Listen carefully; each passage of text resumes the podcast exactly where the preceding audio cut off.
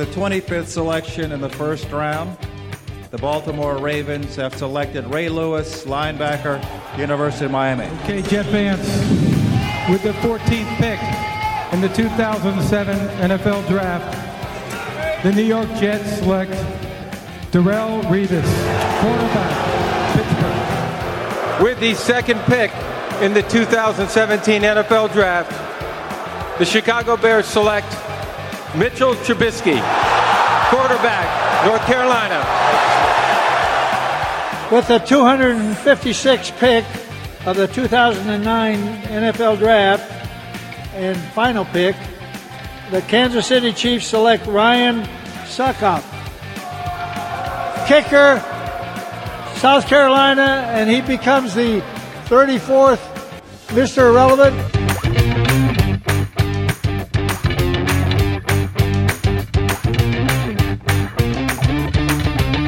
En dit is NFL op woensdag, jouw favoriete podcast over de NFL, de National Football League.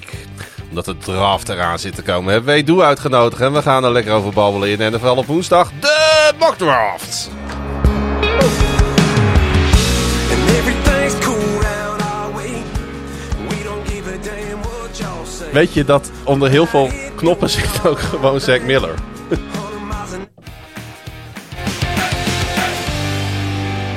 Alle liedjes van Zack Miller zitten in ons eh, apparaat opgesloten. Ja, maar die man komt maar niet met een album. Nee, we hebben nog even naar gekeken deze week.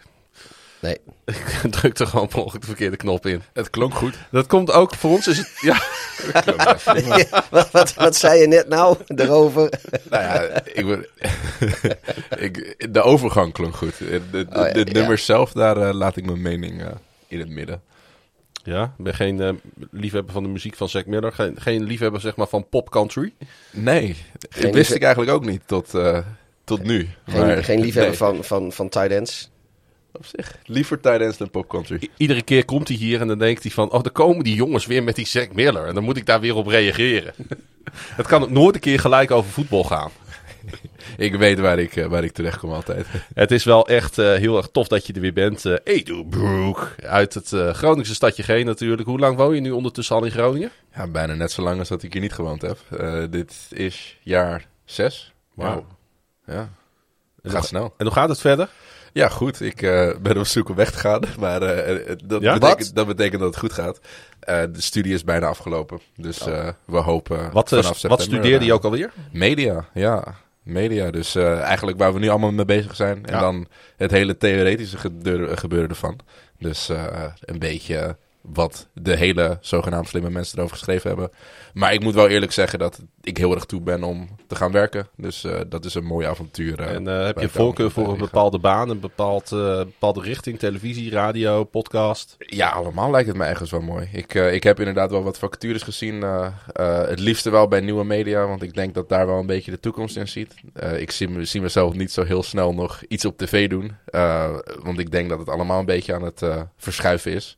Eh, dus als ik daar ja, iets, eh, iets leuks in kan doen, een mooie plek in kan vinden in een fris bedrijf dat eh, die, die kans aan probeert te nemen, dan ja, lijkt toch, me dat mooi. toch een beetje een open sollicitatie nu gedaan. Kijk, weet je, als Ook iemand... dat podium bieden wij gewoon. Ja, nee, zeker weten. Daarom neem ik het ook met beide handen gelijk aan. Dus als er iemand is die, die nog een, een creatieve mediajongen zoekt, het liefst in de buurt van Amsterdam, de Randstad, dan, dan moeten jullie het laten horen. Betekent ook dat je afscheid moet nemen van de Groningen Giants.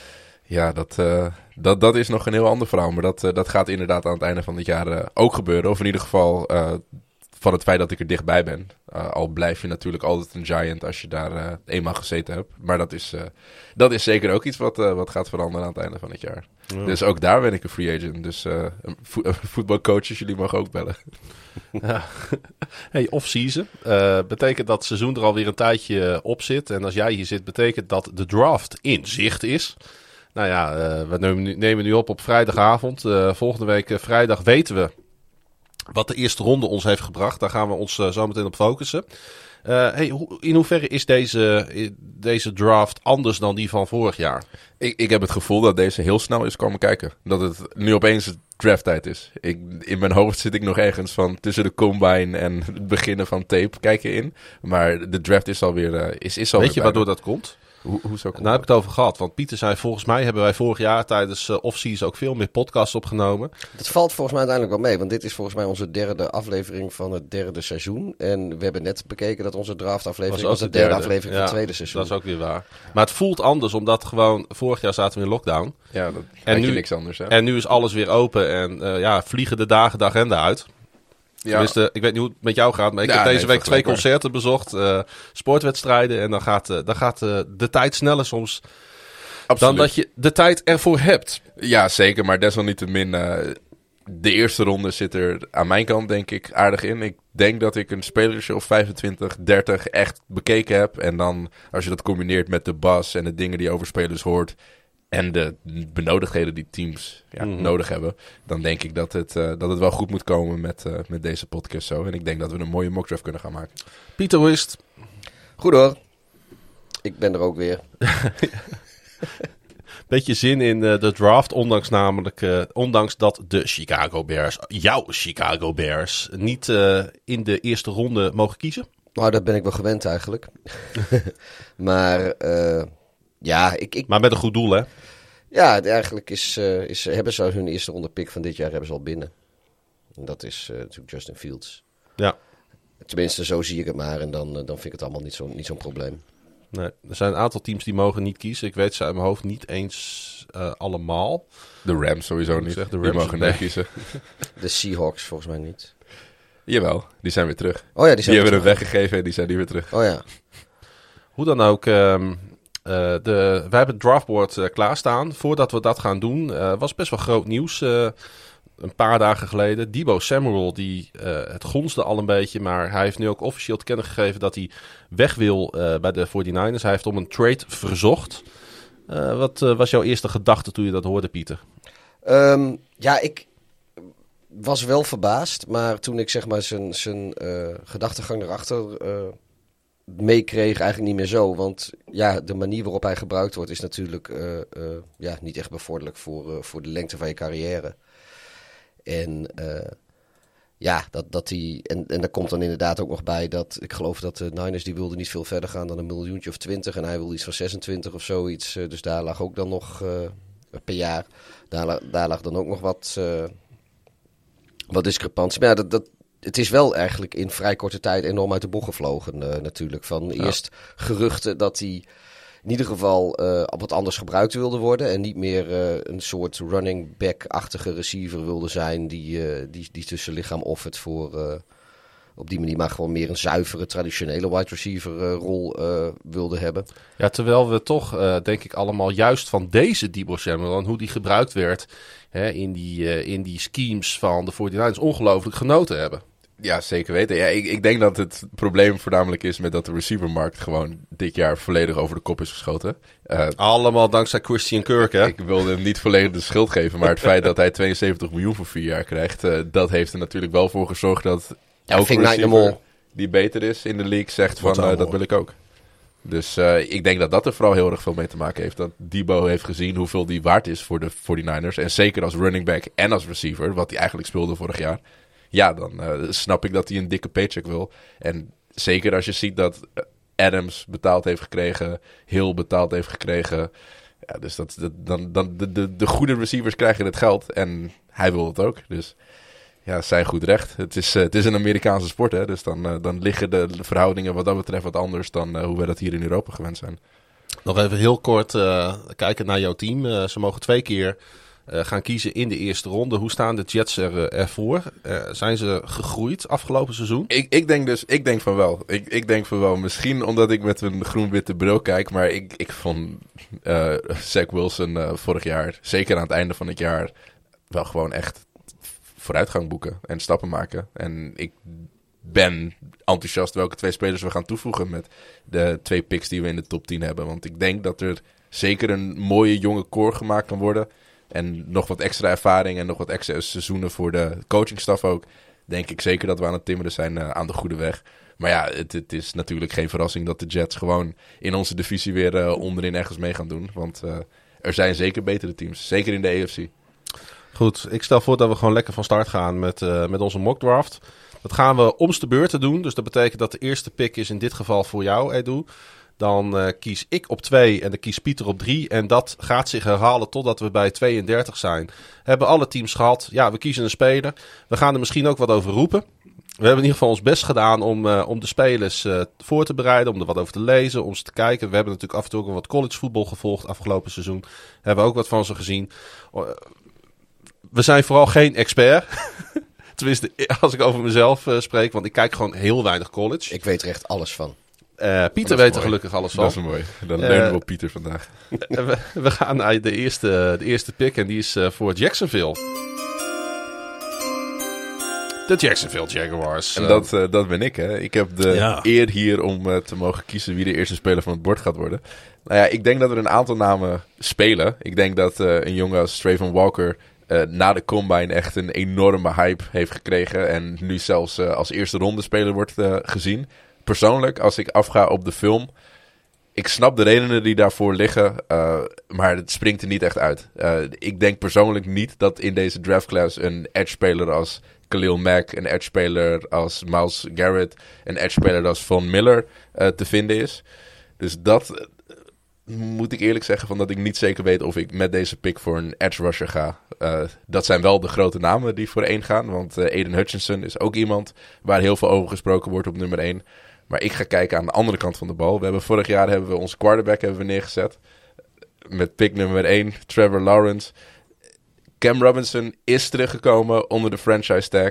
Maar we hebben hier een, eh, een hele goede offensive tackle. Ik denk zelfs een generatie goede offensive tackle. Zeker als je kijkt naar zijn bouw.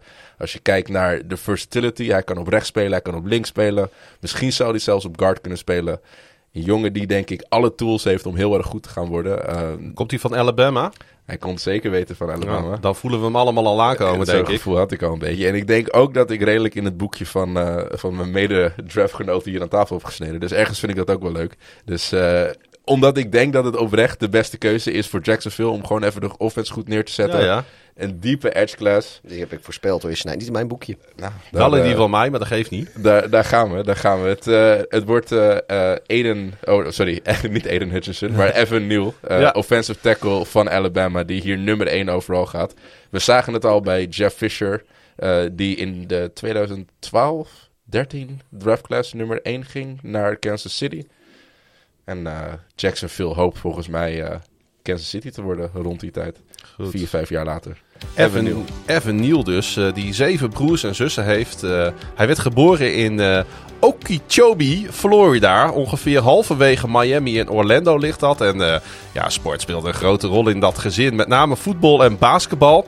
Neal ging naar eh Okeechobee High. Daar ligt ook een heel groot meer, Lake Okeechobee. Ja, Okeechobee. En hij speelde right guard en right tackle, maar bleek ook een goede defensive tackle. Hij was eh, zo goed dat hij naar een grotere school ging. IMG Academy in eh, Bradenton, twee uur naar het westen waar hij right guard speelde. En zijn team naar een 9-0 record hielp. Eh, ja, ik heb, ik heb nog heel veel van deze man op papier gezet. Ik, ik heb ook even in zijn, naar zijn familiegeschiedenis gekeken. Want hij had een oom. Eh, moet ik het goed zeggen? Eh, ja, oom. En die heette Cleveland Gary. Vind ik gewoon al sowieso een geweldige naam. Cleveland Gary. Hij speelde running back bij Georgia en Miami. En was een eh, eerste ronde pick. In de 1989 draft. En speelde zes seizoenen in de NFL voor de LA Rams en Miami Dolphins. Een andere oom was defensive lineman. En een derde ronde pick in de 1990 draft. Dus een jaartje later. En hij speelde acht seizoenen in de NFL voor de Dallas Cowboys, St. Louis Rams en de Philadelphia Eagles. Dus eh, ja, je kan wel zeggen dat het er ook al een beetje in zat hè, bij die familie. Ja, zeker hij heeft een paar eh, grote voorbeelden gehad. Nou ja, en volgens mij ook eh, grote genen. Want als je, als je de man ziet, het is, in alles is het een echte tackle. Het is een enorme unit van een man. En ja, echt iemand die je wil hebben om voor de aankomende 10, 15 jaar een quarterback te beschermen. Ja, en toch eh, startte hij pas in zijn laatste jaar onder, als ik me niet vergis, offensive coordinator Bill O'Brien daar. als left tackle. Ja, nee, hij is veel gebruikt op, eh, op andere plekken. Eh, Ja. Ik kan me nog herinneren dat in het kijken van eh, de tape van Alex Leatherwood vorig jaar was het. Volgens mij speelde hij guard. En toen viel hij me heel erg positief op. Omdat hij eigenlijk al het vuile werk van Leatherwood opknapte. Ehm, Hij deed Leatherwood er goed uitzien. In mijn, in mijn ogen wel, in mijn ogen wel. En ik denk niet dat ik de enige daarin was. Beetje want, de draft bust van vorig jaar natuurlijk, hè, van de Las Vegas Ja. Raiders. Ja, ja, ja. Ja, ik denk niet dat dat met deze jongen gaat gebeuren. Dit is echt een, eh een... Ondanks dat hij voor hetzelfde team heeft gespeeld. Ondanks dat hij laat gestart is. Maar je moet ook bedenken dat Alabama heeft gewoon altijd de allerbeste college spelers. Dus het, het is ook niet zo'n schande als je pas in je junior year eh, echt het veld opkomt. En eh, ja, dat je niet gelijk op de prime positie op de offensive line staat is ook wel redelijk logisch. Hij, hij kan zomaar zo'n Pro Bowl rookie worden. De- het is een beetje zien wat de rest van de, van de league doet. Maar ik denk inderdaad wel dat hij van deze klas de, de hoogste vloer heeft. Als in plug and play en weten wat je, er, eh, wat je eraan hebt. Maar het komt vooral omdat hij natuurlijk, eh, ondanks dat hij, eh, wat is hij, 360 pond, eh, pounds moet hij wegen. Maar hij, is, hij, hij beweegt alsof hij, eh, alsof hij nauwelijks de helft weegt eh, daarvan. Hij is heel... Ja, hij is vooral heel, Heel- flexibel in de pass protection, eh, zag ik. In de run game ehm, eh, heeft hij wel wat meer moeite als de play langer duurt. Kijk, er zijn gewoon snellere, atletischere, bewegelijkere tackles dan deze jonge. Tegen Eh. Voor, zeker voor in de run Ja. eh, is dat als je bepaalde systemen loopt, bijvoorbeeld de 49ers, die hebben het systeem ge- geperfectioneerd en heel populair gemaakt in de league. De wide, running, de wide zone run system, waarbij je dus eigenlijk hele atletische tackles wil hebben, die ook echt 10 yard verderop iemand kunnen blokken en daar snel genoeg kunnen zijn. Dat is hij niet. Nee. Daar zijn een aantal jongens in deze draft ook wat beter in. Maar als je echt gewoon iemand wil hebben die de aankomende decades, decade, je, pass, eh, je, je, je passer, je QB overeind houdt, ja, dan, dan is Evan Neal echt wel de man voor wie je moet gaan. Oké. Nog iets aan toe te voegen, Pieter? nee hoor. Gaan we naar de tweede overall pick. En die is voor de Detroit Lions. En ik heb daar eh Kayvon Thibodeau staan. De edge van Oregon. Ehm, nou moet ik wel eerlijk zeggen dat ik Hutchinson had ik oorspronkelijk op één staan. Dus eh, dat maakte voor mij automatisch dat Thibodeau eh, naar twee ging. Maar ik laat hem daar toch staan. Ehm, al ben ik, want we gaan ze gewoon alle drie even noemen. Want ze staan alle drie op een heel hoog niveau. Ook zeer gecharmeerd van Trevon Walker. Hè, de, die drie jongens zijn toch de top drie edge rushers die in deze draft naar voren komen. Ehm, ik denk dat van deze drie spelers Thibodeau de minste tegen de run is. Maar dat wil niet zeggen dat hij een slechte run defender is. Ehm, ja, ik, ik, het, is, het, is, het is denk ik voor, voor Detroit gewoon zaak dat zij eh, eh, verdedigend meer de boel op orde krijgen. En dat ze daar gaan stekken. Ja, en En dat begint volgens mij bij, eh, bij de front seven. eens. Eens, eh, edge rusher, Simpeler kan ik het eigenlijk niet maken. prime positie.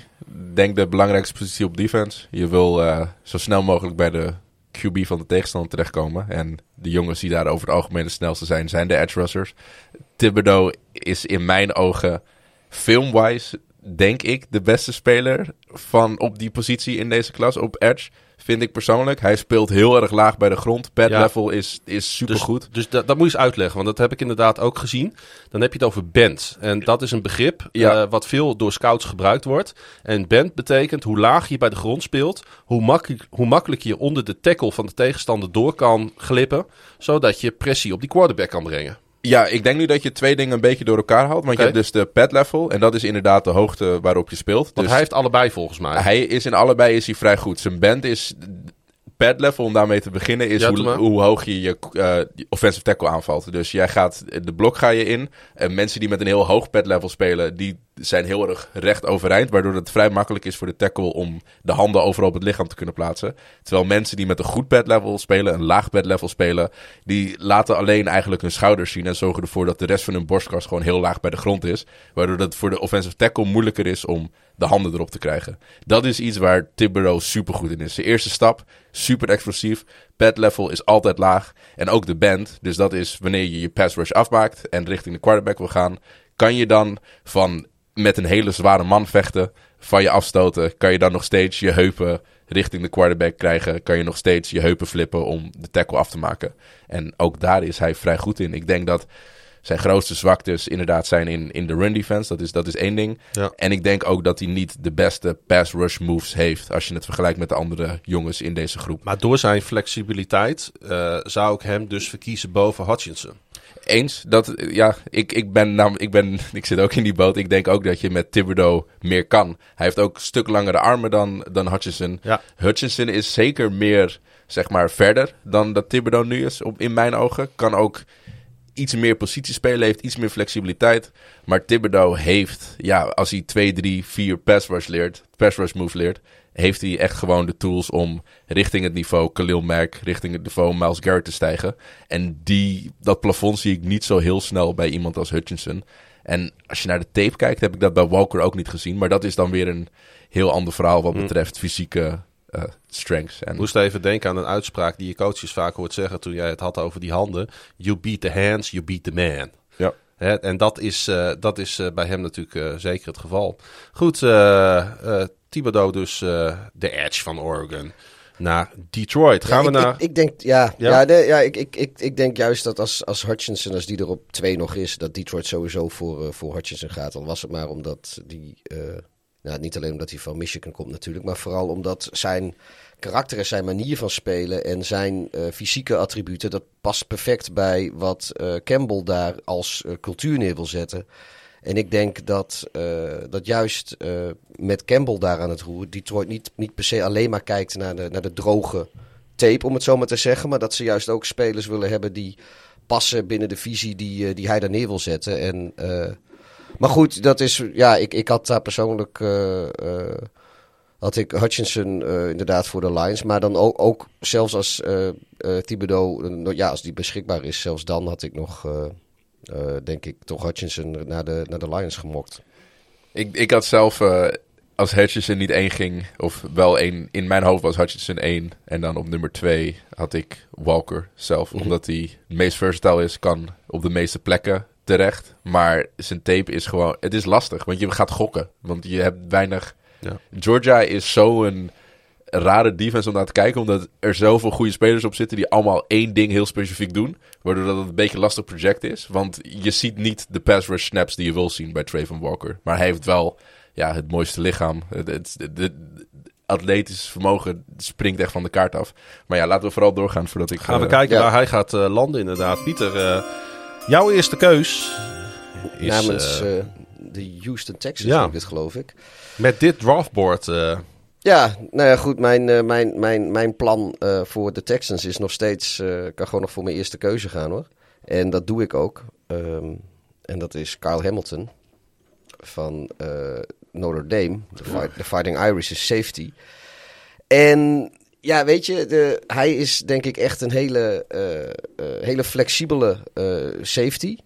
En hij gaat, denk ik, eh, heel erg passen in wat, eh, wat de Texans juist willen doen. Omdat hij eh, en hij is een hele goede tackler. Hij kan natuurlijk gewoon lekker diep spelen. Hij kan ook juist in de box kun je hem neerzetten. En ik denk, ook omdat eh Lovie Smith daar natuurlijk wat vingers in de pap heeft, is dit een speler waar Lovie Smith denk ik heel enthousiast van is. En ja, dan heb ik zoiets van, ja, daar ga ik, wel, daar ga ik dan wel in mee. als, dat, ja, hij is eh Edu echt een joker piece defender. Hè, die je overal op de lijn eh, kan, kan, kan, kan neerzetten. En eh, eh, lekker veel smoke screens eh, mee kan draaien volgens mij. Ja, ik, om, om eerlijk te zijn denk ik dat, dat dit vrij hoog is voor, voor Kyle Hamilton, persoonlijk. Ik kan Eh, hem zelfs buiten de top 10 staan voor mezelf. Ik, ja, bij mij was ook pas rond 13, 14, 15. Ook de positie die er speelt namelijk. Want ik, denk hem, niet... ik had hem op 11 naar Washington. Ja, ja, kijk, wat je krijgt met Kyle Hamilton is niet een deep third safety. Het is niet een safety die in zijn... Niet een type Ed Reed die in zijn eentje diep in de zone staat en wel even pasjes gaat There's no one like Ed Reed. eh. Dat klopt natuurlijk. Dat klopt natuurlijk. Maar het is ook niet eigenlijk... Nou ja, misschien Troy Polamalu. Ja, nou ja, ik denk dus eerder dat hij bij Troy Polamalu in de buurt komt. Omdat het dus veel meer een box safety is. Dus iemand die Ja. echt een extra linebacker is. Ik denk ook veel eerder dat hij, dat hij nog meer Ah, als een halve linebacker Palamalu dan als safety over die lijn kon duiken en dan eh, die, die safety blitz gestalte kon geven. Dat was waanzinnig, hè? Als, als Hamilton dat allemaal kan doen, dan denk ik dat de Texans heel blij met hem zijn eh, op nummer drie. Eh, dus ja, kijk, wat dat betreft gaat het lastig zeggen worden. Maar ik denk gewoon dat hij, dat hij helaas voor hem op een positie speelt die gewoon niet heel erg gewaardeerd wordt in de NFL. Want hij valt een beetje tussen een safety of een linebacker in. Ja, maar hij zit natuurlijk wel. Kijk, er zit natuurlijk ook. eh, God, hoe heet die jongen nou van de, van de Patriots die, naar, eh, die daar nu het voor het zeggen heeft in, in- bij de Texans? Die. Is dat Casario? Ja. ja, Maar die, die hebben toch. Ook, ook die hebben een beetje een filosofie van dat zij. Casario. Ja, dat zij van, eh, van achter naar voren zeg maar de verdediging opbouwen. Dus je begint, eh, die beginnen juist in de secondary en dan bouwen ze naar de lijn toe. En eh, zo hebben ze dat in, eh, in New England ook een poos, eh, poos gedaan. En op zich hebben die daar best hele prima defenses ook gehad.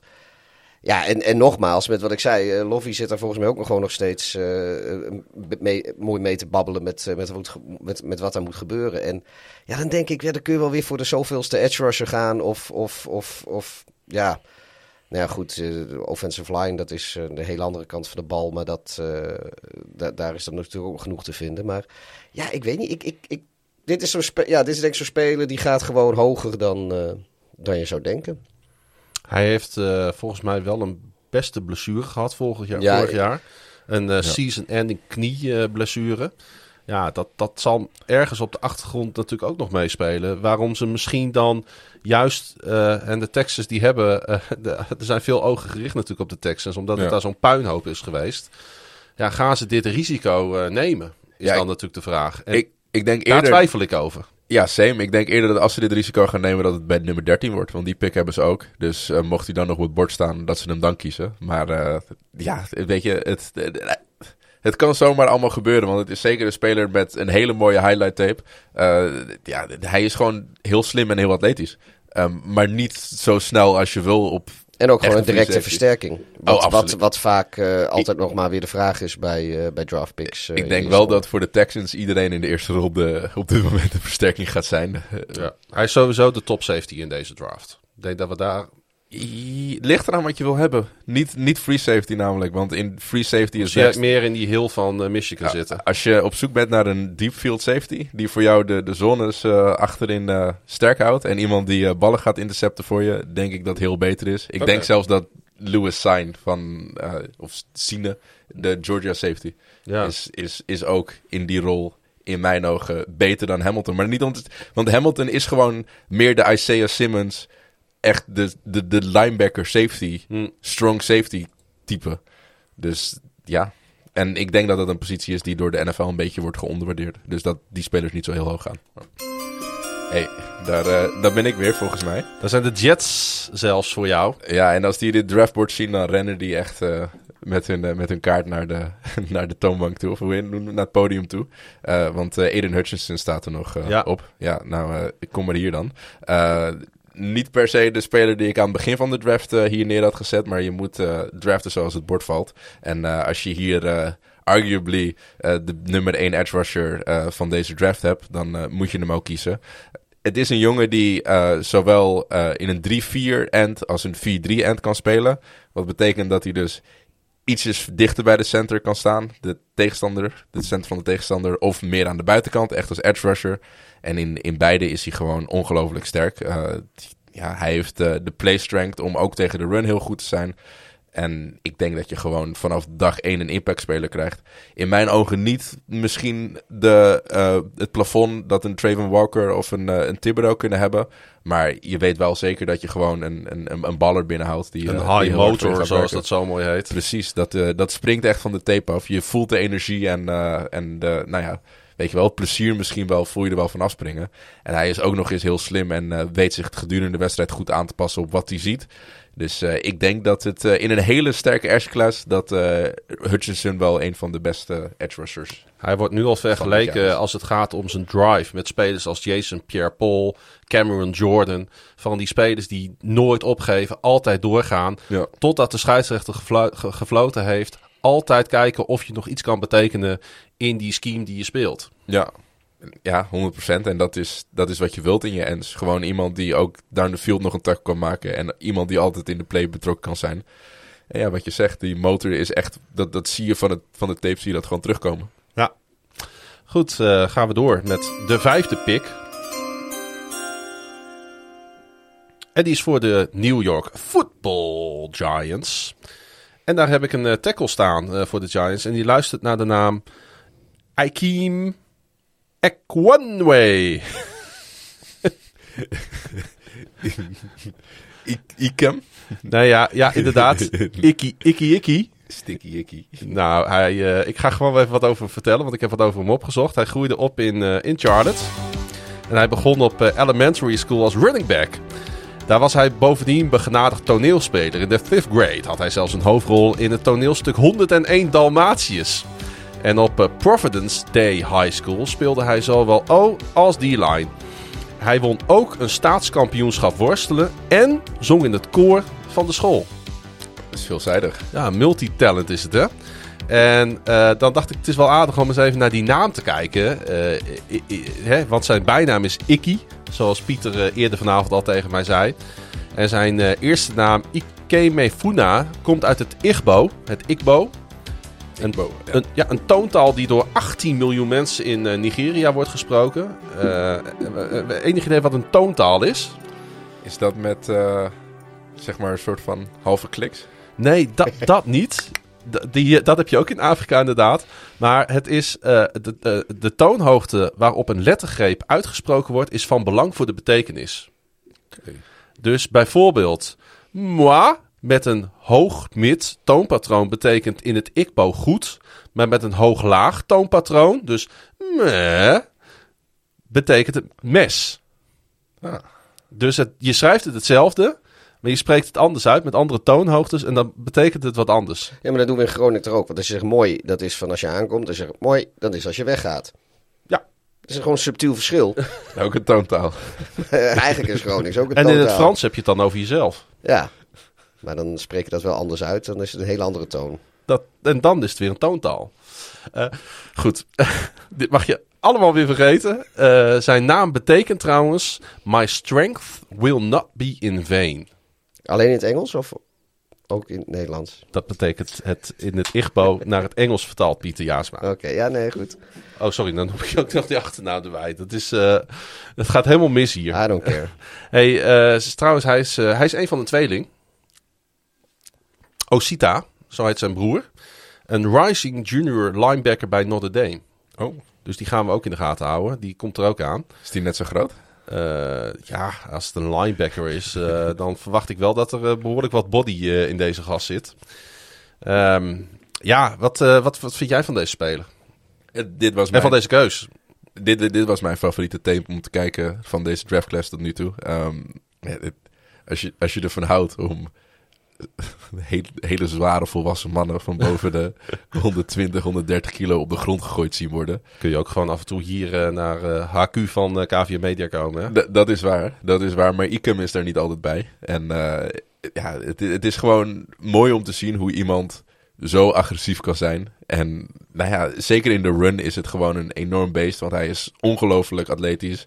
En hij finished blocks zo heel, eh, zo, zo hard.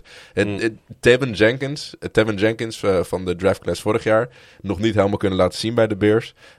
Maar die doet me heel erg denken wat betreft tape aan deze jongen. Alleen is hij nog een stukje sneller, nog een stukje explosiever. Misschien nog wel een stukje agressiever zelfs. Kan spelen als een guard, kan spelen als een tackle. Wat ook voor de Giants heel goed is, omdat ze natuurlijk die jonge Thomas van eh, Georgia nu al drie jaar, geloof ik, op wachten om daar iets uit te krijgen. Die was een nummer 10 pick eh, in 2020, geloof ik. Hm.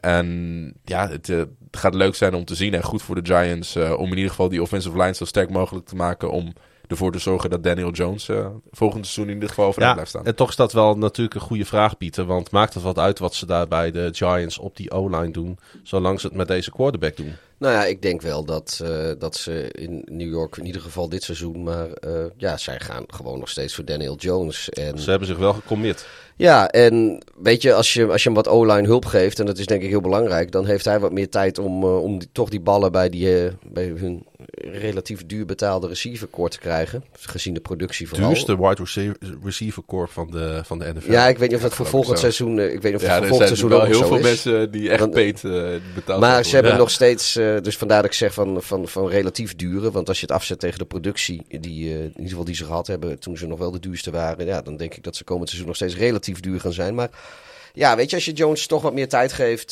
ze hebben op zich op papier prima receivers natuurlijk. En eh, ja, dan, dan kunnen heel veel net niet eh, eh, dingen, die kunnen in één keer net wel worden. En dan kun je zo, dus ik denk dat dit ook met, met, met uitstek voor Daniel Jones... eh, nu is het natuurlijk sowieso een offensive tackle voor de quarterback, een fijne draft pick. Maar eh, ik denk dat, eh, dat, dat iedereen hier in de aanval wordt, wordt hier vrolijk van, denk ik. Goed, dan gaan we volgens mij naar een hele interessante op 6. Hele interessante. Ik ben Die benieuwd. is, eh, die is voor jou, Pieter. De Carolina Panthers. Ja, en nu eh denk volgens mij heel veel mensen, maar wat ik zo rond zag komen, dat, eh, dat die quarterback gaan. Eh, ik denk het niet. Want deze quarterback class is zoals vaak wat over gezegd. Dat is niet per se eentje waar je. Mhm. Nou ja, het is niet, niet iemand waar mensen heel erg, heel erg van onder de indruk zijn, voor zover dat wat zegt. Maar eh, in het geval van de Panthers, die hebben zich natuurlijk, eh, ook met, door het, de fifth year option over te nemen, zich toch een beetje gecommit aan Sam Darnold. En ja, dat kan op twee manieren uitpakken. En als dat eh, goed uitpakt, dan had je nu met deze pick absoluut geen quarterback hoeven draften. En als het niet goed uitpakt, dan sta je volgend jaar hier op dezelfde plek en dan kun je alsnog je quarterback pakken. Want dan eh, zijn er wel weer nieuwe quarterbacks eh, waar je wat aan hebt. Dus ik denk dat zij eh, eh, naar de verdedigende kant van de bal gaan kijken. En eh, gaan voor Ahmad Gardner, de cornerback van Cincinnati. Ai. Wat ai. Twee jaar achter elkaar een corner in de eerste ronde. Ja, want, haha, dat is dus. Want nu heb je aan. eh, met, is een beetje, een beetje onconventioneel misschien. Maar ze hebben natuurlijk JC Horner vorig jaar eh, eh, gepakt. En ja, ook hier eh, geldt er weer. Die verdediging die is op zich niet heel slecht. Maar ook met de JC Horner hadden ze nog wel. wat ik zei net Horner, maar volgens mij is het Horn. Ehm, die. hun secondary, dat, was, dat, dat- kan nog wel een beetje beter. En nu heb je gewoon aan beide kanten van, de, van het veld eigenlijk... heb je gewoon eh, eh, uitstekende cornerback staan. En daar kun je gewoon eh, heel lang een, een verdediging op, op, eh, op hoog niveau op laten draaien. Als je, als je dat soort posities... Als je de, want je hebt niet in één keer of een linker of een rechterkant die, die zwakker is. eh, dat, dat heb je dan niet. En ja, ondertussen bouwen ze gewoon lekker verder met, met waar ze mee bezig zijn. Maar ik denk dat ja, in deze fase van, van, de, van waar ze zitten, met, met Gardner nog op het bord als Ja, ja, dat is een het. van de betere, betere spelers ook die beschikbaar is. ja, ik, ik, ik, ik zou dit een hele logische keuze vinden voor de, voor de Nou, ik had hem op 4 naar de Jets. Ik eh, had hem overwogen als eh Hutcherson er Ja. stond. Amat Sauce Gardner, want Sauce is zijn bijnaam, eh, jongste van drie kinderen, werd opgevoed alleen door zijn moeder, Orlisa. Ehm, en wel grappig, ehm, hij, komt uit, eh, hij komt uit Detroit. Heeft ook down, in downtown Detroit op Martin Luther King Jr. Senior High gezeten. Het schijnt dat, eh, dat die school naast een parkeergarage staat. Eh, ik, ik ken meerdere plekken in Detroit en ze staan allemaal naast een parkeergarage. Als je ooit eens in downtown Detroit loopt, om, om het andere gebouw is er een parkeergarage van drie, vier verdiepingen. Het is alleen maar, het is echt, volgens mij is het echt de parkeergarage hoofdstad van de wereld. Nou ja, Gardner is een van de weinige mensen die ook daadwerkelijk in downtown Detroit woont en naar school ging. Ja. Ehm, een van die weinige plekken waar geen parkeergarage stonden, heeft zijn ouders een huisje kunnen vinden. Maar niet eh, geheel eh, ongewoon natuurlijk. Maar hij was eh, op dat moment gewoon een wide receiver. En het is wel grappig. en toen een teamgenoot zijn kaak brak, brak Gardner door als cornerback. Want weet je, als zo'n team dan een cornerback mist, dan zetten ze daar gewoon een wide receiver neer. En toen kwamen ze erachter van, hey, hij is hier eigenlijk veel beter in. Dus hij is een beetje bij toeval is, hij, is hij ontdekt. Ja, ik, eh, ik vind het echt een hele fijne speler om naar te kijken. Ja. Een, een, eh, een eh, ja, ongelooflijk atletische coverman die echt on, on top of routes blijft. Hè, wa- waardoor hij de quarterback ook echt kan dwingen om voor een andere read te gaan. Sterker nog, leuke quizvraag. In 1103 career coverage snaps in college liet hij hoeveel touchdowns toe? Nul. Wat denk jij, Pieter? Nul. Nul. Dat is toch een waanzinnige stat? Dus hij is echt zo, ja, eh, om er maar even zo'n leuke Amerikaanse term in te gooien. Een sticky bump and run corner. Abs- absoluut. De JC, JC Horde van deze draftclass. Ja, en leuk voor Cincinnati, hè? Want die hebben sinds 1971 hebben ze geen eerste ronde pick meer voortgebracht. Oh, maar dat gaat goed komen hoor. Want eh, ik denk dat er twee drie misschien wel zijn die er gaan in deze. Sowieso twee. Ik denk dat de quarterback en de cornerback allebei in de eerste ronde gaan. Oké, nou, daar komen we misschien dan zo meteen nog op. Ehm, volgens mij eh, zijn we weer aanbeland bij, eh, bij de Giants. Ik, daar ben ik weer, hè? Ja. Op eh 7 mogen die alweer kiezen. Misschien is het goed om even te zeggen. Wij doen gewoon een mock draft zonder trades. Maar het zou natuurlijk heel goed kunnen dat een team als de Giants gaat kijken of ze ergens eh, eh, meer draft capital nog kunnen oppakken. Door bijvoorbeeld zo'n eh, zo'n zevende overall pick weg te geven aan een ander team. Ja, dat, dat kan absoluut. Zeker als je kijkt wie er nu nog op het bord staan. De beste receivers staan nog op het bord.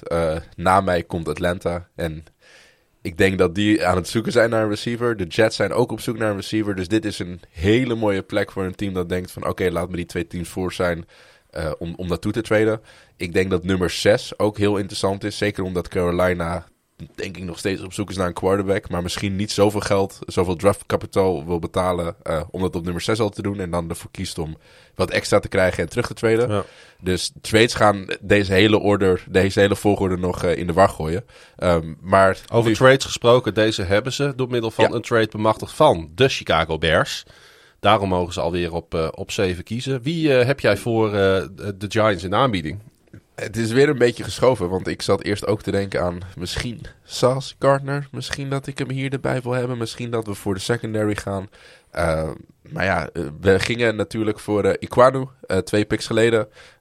Laten we nu voor een grote jongen aan de andere kant van de lijn gaan. Trayvon Walker staat nog op het bord. De Edge van Georgia. De edge van Georgia. Misschien wel de meest atletische speler van deze draftclass. Zoek je iemand met lange armen? Trayvon Walker. Zoek je iemand die heel snel is? Trayvon Walker. Zoek je iemand met explosiviteit, eerste stap en ongelooflijke play strength? Trayvon Walker. Ja, die, die jongen heeft zich zo bewezen op de combine. Eh, ik denk dat daardoor meer en meer spelers eh, of eh, scouts de tapes gingen kijken. En toen ook beseften dat hij op tape eigenlijk ook wel heel veel mooie dingen heeft laten zien. En hij hoort gewoon in deze eerste team picks thuis. Alleen het atletisch vermogen al la- laat zien dat hij zo'n impact kan hebben. En ik denk iemand met een enorm plafond en misschien wel zeg maar de Michael Parsons van deze draftclass. En Eh, hij wordt eh, in New York eh, wordt hij herenigd met zijn Georgia-teammate Aziz Ojulari. Dat klopt. En dan heb je toch een uitstekend jong pass rush eh, duo daar staan bij de, bij de Giants. Waar ze jaren plezier van kunnen hebben. Dat denk ik ook. En zeker die 3-4 scheme die ze heel lang speelden. Met drie grote jongens. En dan Trayvon Walker die meer als een outside linebacker, edge rusher kan spelen. Net als Ojulari aan de andere kant. Ja, ik denk dat het een, eh, een ideaal scenario voor de Giants is. Als deze jongen hier op nummer 7 nog staat. Ehm, hij eh, was ehm, ook begenadigd basketballer. Eh, en sterker nog, op uh, Upson Lee High eh, speelde hij in het basketbalteam en leidde hij, nou niet alleen hij, maar dat team waarin hij speelde, zijn high school naar 75 opeenvolgende zeges. Kun je dat voorstellen? Ja, dat, is, Een basketbalteam dat 75 keer op rij wint? Ja, dat is heel sick. Dat kan bijna niet. Dat is heel sick. Ehm, Speel je wel een of andere kermiscompetitie of zo? eh? Ja, dat, eh, dat, dat durf ik ook niet te zeggen. Op dat niveau heb ik daar geen inzicht in. Maar ik vond het wel een opvallend feitje. En eh, misschien ook even een leuke vraag voor jou, Edu. Hij eh, speelde in de band. Eh, welk instrument? De triangel. nee, niet de triangel. het was een iets groter eh, apparaat wat hij uh, vast moest houden. Trombone. De trombone. Oh, Echt? Staat dat in het script? Staat in het script. Oh. De trombone. Is toch een, dat vind ik altijd een waanzinnig instrument. Waar staat ja, hij dan? mooi. Is dat met zo'n schuif eronder? Ja, toch? Ja, ja, ja. Ja, ja, ja. Oké, nee, dan heb ik het, zo, dan heb ik het goede beeld. Maar het dat- goede Maar blaasinstrument. d- ik zie dat als ik hem zie, dan zie ik dat ook wel voor me. Hij heeft wel die, die, die arm strength Ja, die dat- trombone even goed heen en weer te schuiven. Hey, jongens, willen jullie het nog halen tot de NFL? Heel veel trombone spelen en dan, eh, Juist. wie weet. Gaan we naar eh de achtste pick, ben ik aan de beurt. En eh, eh, ja, volgens mij zei jij het al, hè? Wat vind je van Jameson eh, Williams van Alabama? ja, goed. Ja. Heel goed. Maar die gaat, als, als Atlanta hier eh, eh, pikt en alle quarterbacks staan nog op het bord, dan gaan zij een quarterback pikken. Ja, denk je dat? Ja, natuurlijk. Nee, ik ook niet. Dat weet ik niet hoor, om eerlijk te Ah. zijn. Waarom zou ze dat niet doen? Ja, dat, dat zouden ze op zich kunnen doen natuurlijk. Marcus Mariota. Ja. Ja, nou ja, goed, dan, dan nog, weet je. je, hebt, je hebt, nu heb je de kans om... eh, om Ja, dan zou ik pick, ik had Pickett namelijk op 6 naar de Carolina Panthers. Ja. Dus dan zou ik hier Pickett moeten neerzetten om het draftboard weer een beetje kloppen te krijgen. Kies wie je, wie je denkt dat het beste is nu. Maar Ik- ik, ik, ik denk echt wel dat zij voor die wide receiver gaan. Eh, voor, en, dat- want ik denk dat ze daar gewoon talent willen gaan bouwen. Ja, maar voor, de, voor de toekomst. Ja, nou ja, ja, goed, weet je, kijk, Mariota, dat, eh, dat, is, die, dat is ook niet voor de toekomst. En ik denk dat juist deze draftclass, de quarterbacks die daarin zitten, is, is, zijn uitgelezen eh, buitenkantjes voor teams die niet nu direct een startende quarterback willen, willen hebben. Maar da- daar in principe wel redelijk voorzien zijn. Maar die wel in, de, in de nabije toekomst moeten gaan verder kijken op de toch allerbelangrijkste positie. Kijk, Ja, vorig dat jaar, hadden ze al veel eerder moeten doen. eh. nou ja, ze zaten met het enorme Ik contract. vertrouw ze daar niet de- meer in. Nee, maar goed, eh, het is ook niet... dit- wat, wat zou jij doen als je, als je de Falcons was? En ja, ik... Wat ik zeg, vorig jaar had je allerhande quarterbacks, die kon je eigenlijk Het direct al inpassen. met deze quarterback class. Ja, ja, maar die, die Ja. kon je direct al inpassen. Nu heb je, nu heb je een quarterback-klas waar de consensus wat meer is dat, dat ze misschien nog iets meer tijd hebben om, om echt helemaal eh, NFL-ready te zijn. Of in ieder geval impact te maken in NFL. maar Ja, wat, dit, dit is denk ik wel de, de- het moment voor, eh, voor, voor, zo, voor zomaar te doen. Want zelfs als, als het met Mariota een beetje lukt, dan, dan pik je ook volgend jaar niet in de top 10. Is het toch, toch, toch wel een hoop. En ze moeten binnen nu en twee jaar een quarterback eh, hebben staan. ik, ik denk dat we nu al kunnen opschrijven dat, eh, dat de Falcons volgend jaar in de top 5 slash top 10 gaan pikken. Dus ik denk dat ze daar ook Ja. gewoon op kunnen wachten. Dat ze wachten op een draftclass die volgend jaar wel heel goed is. Want dan komt er een aantal, komen er een aantal jongens komen er uit college Ja. die echt Ja, een goed, heel kijk, dat, stuk eh, boven deze QB staan. Kijk, dat is natuurlijk met, dat zei ik van, van dat is met, met de, de Carolina zo. Die gaan er ook op wachten volgens mij. Maar eh, in het geval van eh, Carolina, ik zou nu geen quarterback gaan draften om achter, eh, om achter Sam Darnold neer te zetten. Maar achter Mariota kun je prima een quarterback neerzetten. Ja, ik, ik, ik, ik, ik neig toch iets meer naar Edu in dit geval. Al voel ik wel de urge, zeg maar, voor het Atlanta Falcons, als al die quarterbacks er nog staan, om ze niet te laten lopen. Ja. Dus het wordt voor hun wel een hele moeilijke keuze als uitkomt wat wij een beetje verwachten op dit moment. Ik, ik weet niet, het is echt Want ik had, het juist voor de, ik had juist wat jij eigenlijk voor de Atlanta Falcons nu eh, bedenkt, had ik dus voor de Carolina Panthers. Ja, maar ik, ik heb dus, wat, wat ik net zei, je zet niet een, een, een quarterback achter Sam Darnold, dan, maar je kan wel een quarterback achter Marcus Mariota zetten. Dus het is voor de... En, en ja, je nou wil ja, ook, je Mariota is ook niet direct iets meer een veteraan natuurlijk, maar Ja. ja, Ik denk niet dat ik zou nou niet heel- zoveel re- ge- eh, eh, eh, rekening houden met Nee. de gevoelens van Sam Darnold op dit moment als nee, ik de Carolina Panthers was. De gevoelens van Sam Darnold interesseren me ook niet. Het gaat erom eh, eh, welke, welke quarterback maakt je, maakt, je, eh, maakt je verse draftpick beter. En Sam Darnold heeft het eerst maar veel te druk met zichzelf. Want die, die zit daar nauwelijks op zijn plek. En Mariota is gewoon een veteraan. Die, die, ongeacht zijn kwaliteiten kan hij gewoon eh, een jonge startende quarterback wat bijbrengen. Weet je? Dat is gewoon een, een veel betere mentor dan eh, Sam Darnold. Dat is waar ik op doel. Niet wat Sam Darnold er zelf van vindt, dat vind ik niet zo interessant. Uiteindelijk toch de keuze gemaakt voor Jameson Williams. Ik vind het wel een interessante wide receiver, omdat hij best wel een wat lastige aanloop heeft gehad naar de NFL toe. Eh, dat kwam natuurlijk ook omdat hij eh, bij de Buckeyes in de ehm ehm pick-order stond. Nee, wacht even hoor. Ehm, ja, natuurlijk bij de? Buckeyes, tuurlijk. Zeg het goed, hè? Ja, Hij stond daar natuurlijk achter Garrett Wilson en Chris eh, Olave. Eh, die speelde daar ook. Ehm, en toen koos hij voor de transfer portal. En toen belandde hij pas bij Alabama. En dat, dat, dat is toch wel een interessant pad. Want ehm, hij kwam natuurlijk bij Alabama, kwam hij bij Bill O'Brien. En natuurlijk bij Bryce Young. En daar heeft hij natuurlijk de ballen van gevangen. En ehm, het is natuurlijk nog een beetje de vraag of dat seizoen. Ehm, want hij was de derde speler in de historie van Alabama die 1500 receiving yards behaalde in één seizoen. Of dat, eh, of dat echt illustrati- illustratief is voor de wide receiver die die is. ja. Dus aan de ene kant heb ik twijfel. Aan de andere kant wat ik over hem gelezen heb en wat ik van hem heb gezien. Zijn snelheid, ehm, eh, de- hoe hij de bal eh, bij zich houdt. Ehm, ja, ik denk dat je echt een big play weapon in huis haalt met deze wide receiver. Ja, eens. Ik, ik, ik, ik- persoonlijk heb ik hem ook hoger staan dan, eh, ik denk, de consensus nummer 1 receiver in deze Ja, draft. en toch voel ik ergens die twijfel. Hij heeft natuurlijk ook zijn torn ACL, daar waar hij Precies. van aan het herstellen is. In alles wil ik hem bij de Atlanta Falcons zien. En aan de andere kant denk ik van, als de Atlanta Falcons ook maar enigszins twijfelen, dan zijn er natuurlijk een aantal wide receivers die zich ook eh, hebben laten zien. En die misschien iets minder eh, bagage met zich meeslepen.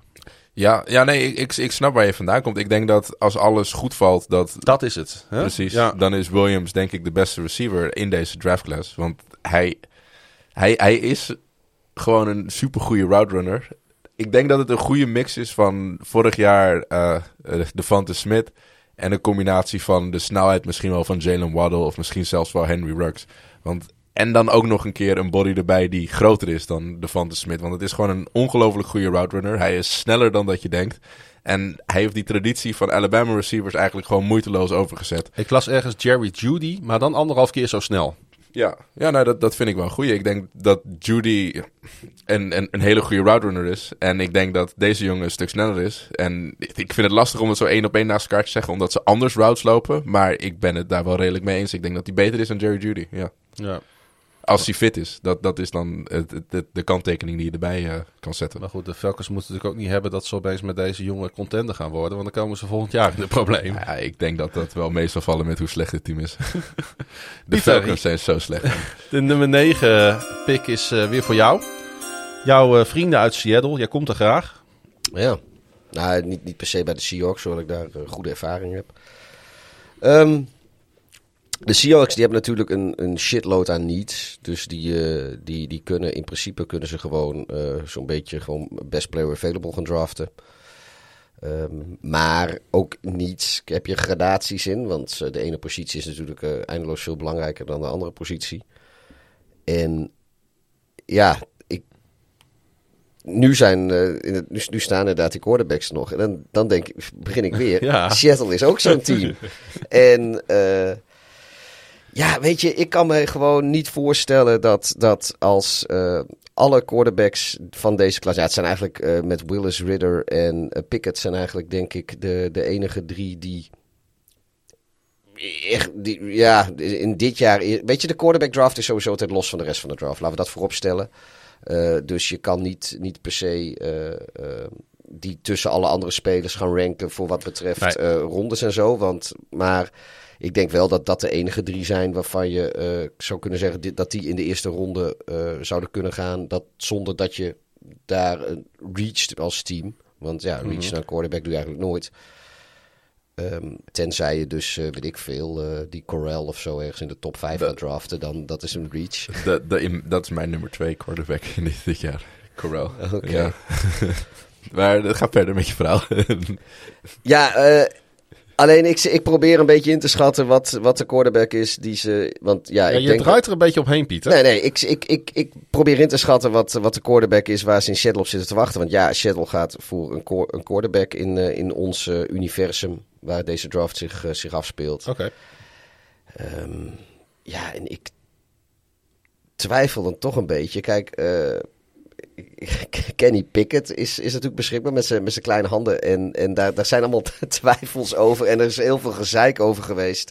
En dan denk ik, ja, weet je, bij Russell Wilson was ook heel veel gezeik over. Want die zou te klein zijn en die kon niet over de offensive line heen kijken. Nou, toen hebben ze maar besloten om hem een, een slechte offensive line te geven in Seattle. Maar het heeft uiteindelijk is prima uitgepakt. Dus ergens zie ik daar wel weer parallellen. Maar ik denk dat ze voor eh, ja, Malik Willis gaan. Uiteindelijk. Toch. We zetten hem eh, erbij voor, eh, voor de Seahawks. Malik Willis. Ehm, ja, eh, jij als offensive coordinator, zou je blij zijn met hem als quarterback? Als, als NFL-niveau? Of, ja, ja, als een team als Seattle dan wel. Want ik denk dat Seattle gewoon hype nodig heeft op dit moment. En wat spelers die in ieder geval fans naar het stadion kunnen krijgen. Maar die ook een beetje het gevoel kunnen geven van... Weet je wel, dat je building blocks hebt. En dat, dat is Malik Willis. Het is echt een building block. Ik denk dat het... Gezien van hoe klaar die is voor de job nu... eh, quarterback 4, quarterback 5 is van deze draft. Maar als je kijkt naar de potentie en ook de... Nou ja, at- atletisch vermogen dat aan hem kleeft. Ja, hij is natuurlijk wel iemand van de, van de RPO's en, de, en het grondwerk. eh, zeggen lekker, lekker zelf met die bal aan de wandel. En dat is natuurlijk waar ze eh, de afgelopen, wat is het, 10, 15 jaar in Seattle met, met Russell Wilson toch heel, heel fijn mee, eh, mee hebben kunnen spelen. En aangezien dezelfde coach eh, daar nog steeds zit, ja, maak ik me sterk inderdaad dat, dat, ze, dat, ze, dat nou net de eigenschappen zijn die ze eigenlijk wel weer in een quarterback willen hebben. Want het is voor hun de makkelijkste transitie natuurlijk. Ik had Malik eh, Willis had ik voor de Steelers staan. Maar goed, daar kan ik dan straks, denk ik, Kenny Pickett heen sturen. Hij is geboren en getogen in Atlanta. Ging oorspronkelijk naar Westlake High, de alma mater van Cam Newton trouwens. Waar hij zich ontwikkelde in baseball, voetbal. En ehm, tijdens zijn eh, junior year werd hij starter en leidde zijn toen, team toen al naar zeven op één volgende overwinningen. Hij koos oorspronkelijk voor Auburn. Daar kwam hij niet serieus aan de bak. Hij verkaste naar Liberty, Liberty, Liberty, Liberty. Waar hij overigens een degree haalde in interdisciplinaire sociale wetenschappen. Iemand enig idee wat dat is? Is dat van in- alles en nog wat, toch? inter- Interdisciplinaire sociale wetenschappen. Dan doe je onderzoek naar de samenhang tussen gedrag, cultuur en maatschappij. Oké. Nou, dan heeft hij toch eh, even, Veelzijdig. eh, kan, hij een woordje over meepraten. Eh, hij gooide uiteindelijk eh, in college 48 touchdowns, waarvan één bij Auburn en 47 bij Liberty. In 2019 speelde hij niet vanwege de transferregels. In 2020 voerde Willis de natie aan in quarterback rushing. En in eh, 2021 was hij eh, Bowl Game MVP. Dus als je zo kijkt naar, zijn, naar die opbouw. Nou, eh, dat is toch één om u tegen te zeggen. Zeker. Het is echt iemand die zich eh, over de jaren heen eh, in de picture heeft gewerkt. En ja, de, de tape is gewoon heel leuk om, van, om te kijken van hem. Het is gewoon een, een jongen die eigenlijk in een best vreemde offense speelt. Omdat Liberty is echt zo'n universiteit waar je normaal gesproken nooit van hoort. Ja, dat heb ik ook de hele tijd over. Liberty, Liberty, Liberty. Ja, precies. Nee, het feit dat, dat, de universiteit, dat het meer bekend is van, van dat soort dingetjes dan van eh, de voetbalspelers. Ja, het is van er Liberty komen, Mutual. Dus- Verzekering. Ja, is het is van de verzekering. Het is Ja, een de- commercial eh, in Amerika. Als je Game Pass kijkt, dan Liberty, Liberty, Liberty. De, de commercial heb ik wel gehoord, maar ik kan het er niet aan, aan plakken, denk ik. Maar ja, Malik Willis is gewoon een, een, een, een speler die... Ja, hij heeft van alles een beetje. Ik denk dat het lastig is om hem in één hokje te gooien. Eh, en het is vooral heel veel potenties naar waar we aan het kijken zijn. Want hij is de leading rusher in college als een quarterback. Maar op hetzelfde moment heeft hij niet de 40 gelopen. Ik denk voor een reden. Eh, omdat hij niet de snelste QB is in deze draftclass bijvoorbeeld. Eh, dat neemt niet weg dat het geen goede runner is. Maar dat soort dingen zijn gewoon een beetje lastig om te kunnen voorspellen hoe dat in de NFL gaat zijn. Eh, we hopen allemaal op het beste. De bouw, de, de, de tape, de arm, die heeft hij zeker. Maar of hij het allemaal bij elkaar kan plakken is een tweede ding. En ik denk dat dat gewoon de QB's heel erg symboliseert van deze draftclass. Want ze hebben allemaal wel dingen waarvan je denkt van... oké, dat past goed in de NFL. Maar op hetzelfde moment hebben er ook heel veel dingen... die gewoon een stuk minder passen. En die eigenlijk een beetje vooruit zorgen. En Willis is daar niet anders in. Want het voetenwerk en zijn accuracy zijn echt nog ondermaats voor een NFL QB. Maar Ja, vooral zijn eh, decision making. Hè? Want eh, hij, em, hij, hij heeft goede field vision, zeg maar. ja, Maar op het moment dat zijn eerste read er niet is, dan komt hij in de problemen. precies. En eh, dan weet hij het niet meer. Ik, in mijn ogen is Malik Willis een, een, een, een slechtere, minder atletische versie van Justin Fields. Oké. Dat, dat is wat ik van hem heb gezien in zijn tape. Maar hij zou dus ook veel baat hebben bij nog een jaartje eh, gewoon eh, eens kijken hoe het er in de NFL aan toe gaat. En af en toe eens eh, Ja, een, setje, zeker. een setje meepakken. Zeker, zeker, zeker. Maar ik denk dat dat voor veel quarterbacks geldt. Kenny Pickett is denk ik de meest game-ready quarterback in deze draft. Eigenlijk alle anderen zou ik, voor wat ik van nu heb gezien, zeggen van een jaartje op de bank doet je heel goed. Ja, zijn alweer bij de Jets aangekomen, want die mogen nog een keer in de top 10 eh, kiezen. wij mogen Net als eh stadsgenoot Giants. ja, en ik... eh, ik heb Wat staat er op je verlanglijstje? Nou, ik, ik denk dat elke luisteraar wel weet wat er op mijn verlanglijstje staat. Namelijk een receiver. We gaan ervan uit dat Debo Samuel nog niet getekend heeft op het moment dat deze podcast wordt uitgebracht. Nou, wat spannend. Welke receiver ga je voor? Want ik heb ook een receiver staan, dus ik ben heel benieuwd of jij dezelfde hebt. Ik denk de consensus zeggen Garrett Wilson. Yes. Ehm, ik denk echter van niet. Omdat ik tegen de consensus in wil gaan. Heb je Oh. Kan wel het- nee, net Oké. net op tijd. Want ik, eh, ik ga voor Drake London. Ja. Eh, Drake London is in mijn ogen een kopie van Mike Evans. Eh, het is gewoon een super lange gast die elke jumpbal wint. En zeker met iemand eh, als Zach Wilson en met de arm die Wilson heeft, denk ik dat dat een speler is die de Jets nog missen. Ja, Garrett Wilson is veelzijdiger. Alleen, persoonlijk heb ik hem iets lager. Op nummer 10 zou ik zeggen van ja, doe maar. Maar ik heb hem ook wel heel veel als de eerste receiver op nummer 4 bijvoorbeeld zien gaan. Eh, dat lijkt me iets te hoog persoonlijk voor Garrett Wilson.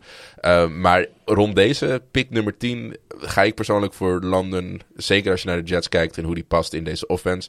Ik denk dat we al meer het type Garrett Wilson hebben rondlopen. En Drake London, London heeft gewoon een hele specifieke skillset die we nog niet hebben. En die goed in deze offense past. Separation is eh, zijn grootste vraagteken. Dus hoe ver komt hij van de cornerbacks weg? Maar ja, weet je, als jij 1 meter 92, 93, 94 bent, over de 100 kilo weegt en sick hoog kan springen, dan maakt het niet zoveel uit hoe ver je komt van je cornerback. Eh, je springt toch hoger, je bent toch sterker en je vangt die bal toch wel. Dat is Drake London. Ja, hij is een goede springer. Hè? We- we- weet je dat hij, eh, toen hij van high school kwam, was hij als basketballer was hij hoger gerate als shooting guard dan als wide receiver. Dat geloof ik zo. Het is echt een enorme unit op het Ja, en, dan- en dan kom je ook met, eh, volgens mij heeft ooit, eh, eh, is dat ook bij Monday Night Football gecoind door, eh, nou, eh, die gast die ontslagen is bij de Raiders. Ik, ik vergeet echt al John alle Gruden. namen. John John Gruden, ja. Gruden. Met zijn, met zijn catch radius. Want dat, is, eh, dat ligt bij hem natuurlijk eh, best, wel, eh, best wel goed. En Ja. ja, ook, ook inderdaad eh, de, de dreiging die van hem uitgaat bij, eh, bij diepe ballen. Dat, eh, Ja, het is vaak voor, het is voor, weet je, eh, receivers kunnen nog zulke goede handen hebben en nog zo eh, veel ballskills hebben. Als jij het, het zeg maar, het ervan bewust zijn waar die bal is op het moment dat hij nog achter je is en al door de lucht gaat.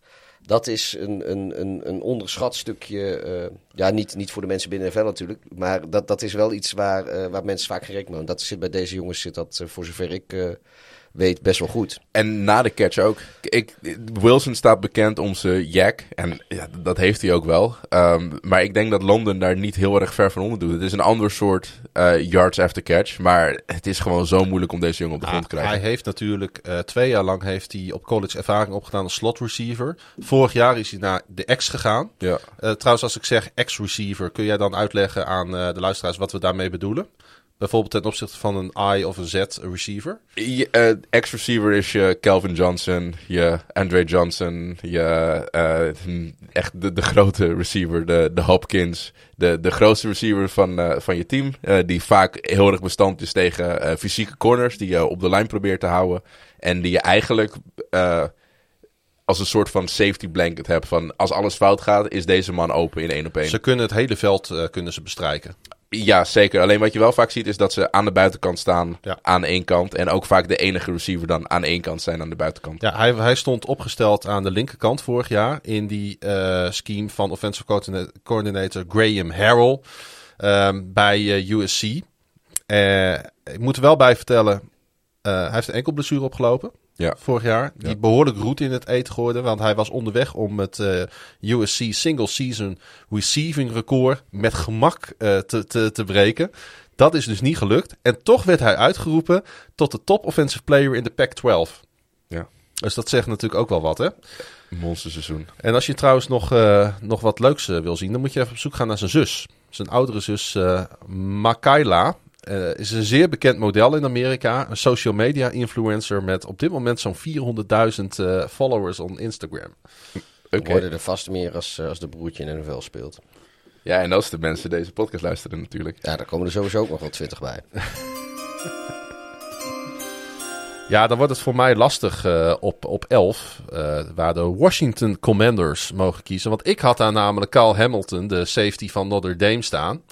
Maar omdat hij dan nu eh, toch nog op het eh, bord staat, ga ik wel voor die andere wide receiver. Want ik denk dat ze ook daarvan wel één kunnen gebruiken in, eh, in Washington. Zeker. Namelijk Garrett, Garrett Wilson van Ohio State, als ik me niet vergis. En ehm, ja, ehm, ja is, hij, is hij vergelijkbaar met, met Londen? Niet echt, denk ik, omdat hij zijn routes echt nog moet verfijnen. Het is nog een, een, wide receiver die iets meer gepolijst nog moet worden in de, in de NFL, denk ik. Wilson bedoel je? Ik denk dat Wilson juist... Ik denk dat Londen iets minder... Wilson is echt meer je Z-type. Ik denk dat eh, van... Dat dit de beste route runner misschien wel is in deze draft. Ja? Met, met eh, Jameson Williams. Ja, zeker. Ik denk dat hij het juist meer moet hebben van de snelheid en de route running. En dat Drake London het meer van zijn fysieke kracht en grootte moet hebben. Ja. Wat ik eh, bij hem heb gezien eh, eh, aan, aan tape, wat ik van hem heb bekeken, dat was vanmiddag. was zijn, ehm, eh, zijn, hoe, hoe die open draait. Ja. Zowel als hij de bal nog niet heeft, dat, en als hij de bal wel heeft, als je begrijpt wat ik daarmee bedoel.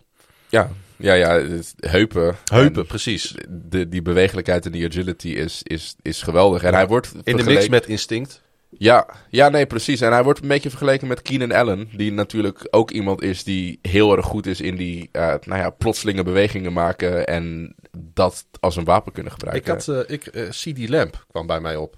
Ja, ook, ook een hele goede route runner. Ook een hele goede route runner. Weet je wel, goede elite body control. Ja, zeker. En, en, en, ja, en natuurlijk die catch skills.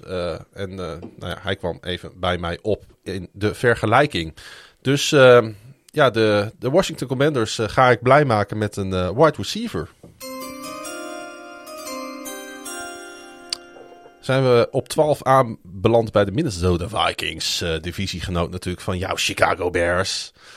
Ehm, ja, waar hebben zij eh, behoefte aan? En wat staat er nog op het bord voor hun? Ehm, nou ja, ik denk dat, dat ook in Minneapolis kunnen ze op vrij veel posities kunnen ze wel versterking gebruiken. Ehm, ze gaan denk ik aan de verdedigende kant van de bal eh, gaan ze draften. Want ze, dit is nu ook inderdaad een beetje zaak van wat staat er nog op het bord, wie is er nog beschikbaar, daar begin ik wel naar te kijken. Ja, en die defense, jongens van Minnesota, die moet echt naar een hoger niveau willen zijn. Ja. Af van dat 8-8-8-9 team zijn, hè? Ja, en ik denk dat eh, eh, de beste manier om dat te doen is voor, voor Minnesota, denk ik, met, met Jordan Davis.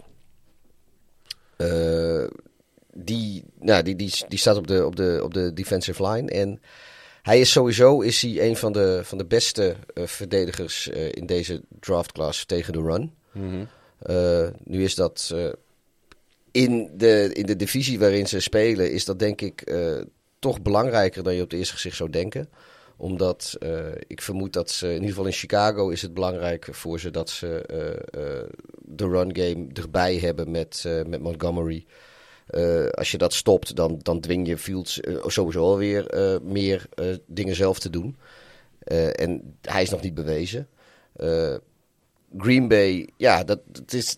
Als dat is natuurlijk een beetje de uitzondering daar. Want het maakt eigenlijk niet uit wat je daar doet. Als je Rodgers de wedstrijden voor ze laat winnen, dan doet hij dat wel. En die Detroit zijn ze ook aan het bouwen aan een run game. Dat is natuurlijk alleen in de eigen divisie. En ja, op de een of andere manier denk ik dat dat, dat wel is waar ze in Minnesota heel veel problemen mee gehad hebben. En wat ze, wat ze toch eh, op willen lossen op deze manier. Ja, ehm, Jordan Davis naar, eh, naar Minnesota. Daar hebben ze op zich een goede aan, hè? Ja, dit- ik denk dat Jordan Davis een speler is die elk team beter kan maken. Eh, dit, dit- ja, dit, dit is de, de grootste speler in deze draft, denk ik zo. Ja. Eh, in ieder geval als je gaat kijken naar, eh, naar atletisch eh, vermogen eromheen ook. Hij zou ook heel goed bijvoorbeeld in de Baltimore Ravens defense Ja, passen. 100%. Ik denk dat dit een pick is waar de Ravens echt op hopen dat hij naar beneden valt. Ja, tot ze. gaat dus niet gebeuren bij deze. In, Want, in dit universum die, niet. Dus niet in ons universum. nee. Nee, maar Jordan Davis is je... Hij kan spelen als een, eh, als een nose tackle. Dus echt eh, één op één tegenover de center. Waarbij hij daar een probleem kan zijn en goed in de weg kan lopen. Ja. Maar op hetzelfde moment is het ook gewoon een speler die atletisch gezien de kwaliteiten heeft om een andere rol te spelen. Akeem Hicks werd hiermee vergeleken. Ja, nou ja, goed. Kijk, ik, eh, dit, dit, dit zijn van die momenten dat ik, eh, dat ik het jammer vind eh, dat, dat Chicago niet in de eerste ronde draft. Want deze Ja. jongen gaat echt niet vallen naar de tweede ronde. Nee, nou, Maar nee. dit, is, dit, dit zou inderdaad in de, in de Bears defense ook een, een, een niet direct opvullen. Maar ja, weet je, als, als je die, die O-line zo kan disrupten, wat, wat hij kan of wat ze verwachten wat hij kan. Ja, ook dan. Kijk, edge rushers zijn van die, van die premium posities die, die natuurlijk heel belangrijk zijn, waarvan je ook weet dat die heel duur eh, zijn. Maar als jouw interior defensive line, als die heel goed is, dan kan je zeg maar met, eh, om het met het meest mogelijke respect zo te zeggen, second tier edge rushers ook heel ver komen. Dan hoef je niet eh, de, de, de absolute elite te hebben. Mhm. Want ja, de- de- hoe, meer, ja, hoe meer mensen je eigenlijk hebt die, eh, die gedoubleteamd moeten worden op, eh, op, op de D-line, hoe, eh, hoe meer ruimte er eigenlijk overblijft voor, eh, ja, voor, voor edge rushers of, of, of voor blitzers of wat dan ook. Desnoods vanuit de safety of, of weet ik veel waar je vandaan wil komen. En ja, dit is zo'n speler die, die, die kan dat mogelijk maken. En dat, en, en dit is ook een positie voor de langere termijn ook, die dus minder eh, op, je, op je cap en weet ik veel wat allemaal drukt, dan eh, een, een set eh, elite edge rushers. Ja, ik vind het een hele goede pick, omdat ik denk dat de twee teams die erachter zitten, de Houston Texans en de Baltimore Ravens, Die hadden hem ook allebei willen- ja, die hadden hem ook gepakt. willen. Dus alleen daarom zouden ze hem eigenlijk al moeten kiezen. Ja. Ehm, Vorig jaar is natuurlijk vlak voor de neus van, van, de, van de Vikings is hun, de door hun gewenste speler weggekaapt. dus ja, dat willen ze dan vast nu, nu, niet, niet, nu eens een keer bij een ander doen. Goed, ehm, de Vikings hebben we gehad. En dan mogen op 13, ik zei het al, de Houston Texans eh, nog een keer kiezen. Met een pick die ze natuurlijk eh, van de Cleveland Browns hebben gekregen. En eh, ben jij weer aan de beurt, Edu? En gaan ze inderdaad dan voor de defense op 13? Ja, ze gaan, ze gaan sowieso voor defense. Als ik kijk naar het draftboard nu op dit moment. we hebben een Derek Stingley hebben we er nog op staan. Jermaine Johnson hebben we er nog op staan. Charles Cross is iemand naar wie ik ook gekeken heb. Waarvan ik dacht van, nou, wie weet. Eh, dat gaat hem echt niet worden. Eh, ik denk dat ik voor de corner ga. Eh, Pieter gaf het al even aan. New England technisch hart een, een technisch hart dat ervan houdt om van achter naar voren te bouwen. Ik denk dat dat vooral geldt voor de cornerbacks. Omdat dat de posities zijn waar je ook nou ja, de meeste impact kan maken op één positie. En Derek Stingley is een speler dat als hij de vorm die hij had in zijn freshman, in zijn eerste college seizoen mee kan nemen naar de NFL. Ja, uit kan groeien tot een van de beste corners in de league. Want de tape die we gezien hebben van Derek Stingley in het seizoen toen ze speelden met Joey Burrow, toen ze speelden met Jamar Chase, Justin Jefferson, dat kampioenseizoen was Derek Stingley de beste cornerback op afstand in college voetbal als een freshman in zijn eerste jaar in college. Sindsdien is het wel een beetje afgegleden. Maar ja, er zijn ook wel heel erg veel dingen gebeurd in de wereld in de afgelopen jaren. Dus het is dan ook weer een beetje een verhaal van... kan je die jongen aan de praat krijgen?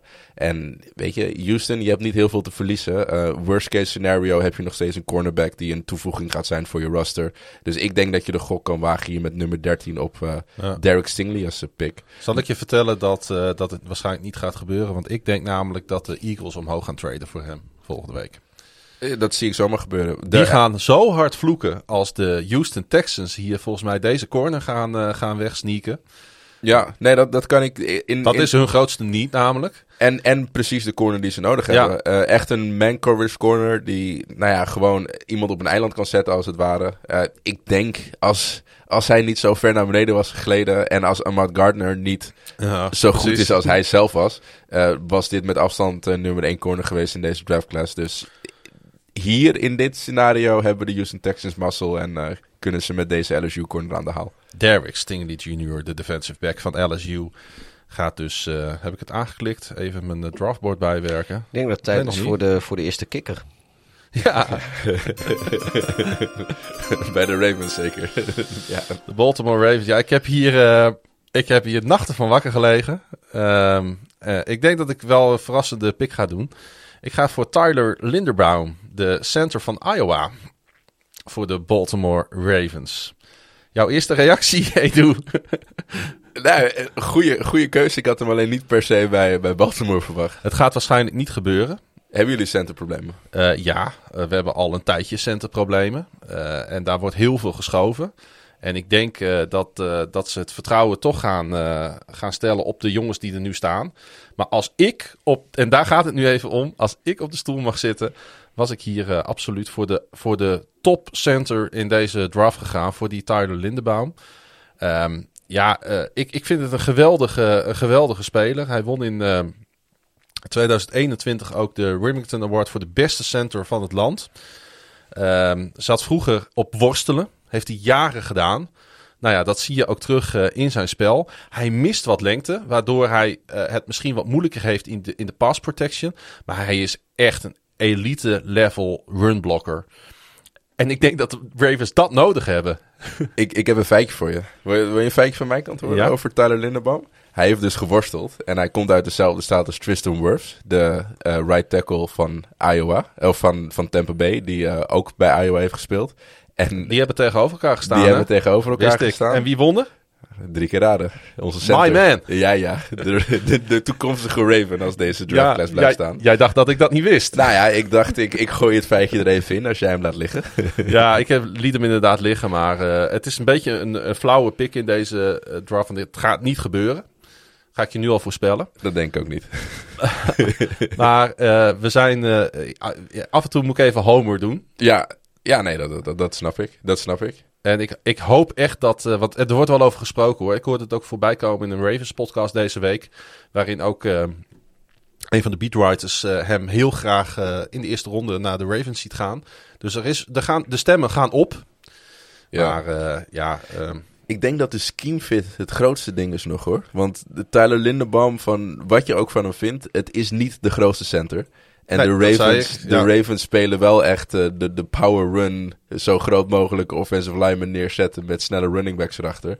Ik denk bijvoorbeeld dat hij een stuk beter past in dus zo'n Shanahan scheme, zo'n 49ers, Packers, zo- Jets. een zone-based eh, scheme. Precies, precies. Ik denk dat dat echt de, de, de plek is waar hij het allerbeste tot zijn recht komt. Maar ja, het is zo'n goede speler dat als je hem hierin neerzet, gaat hij ook niet verdrinken. Dus wat dat betreft eh, past het zeker, of kan het zeker. Eh, maar ik, ik, het, het zal me heel erg verbazen als hij zo hoog zou gaan. Ik denk eerder een pikje of vier, vijf later dat hij echt in het spel gaat komen. Weet je wie eh, zijn voorganger bij Iowa was?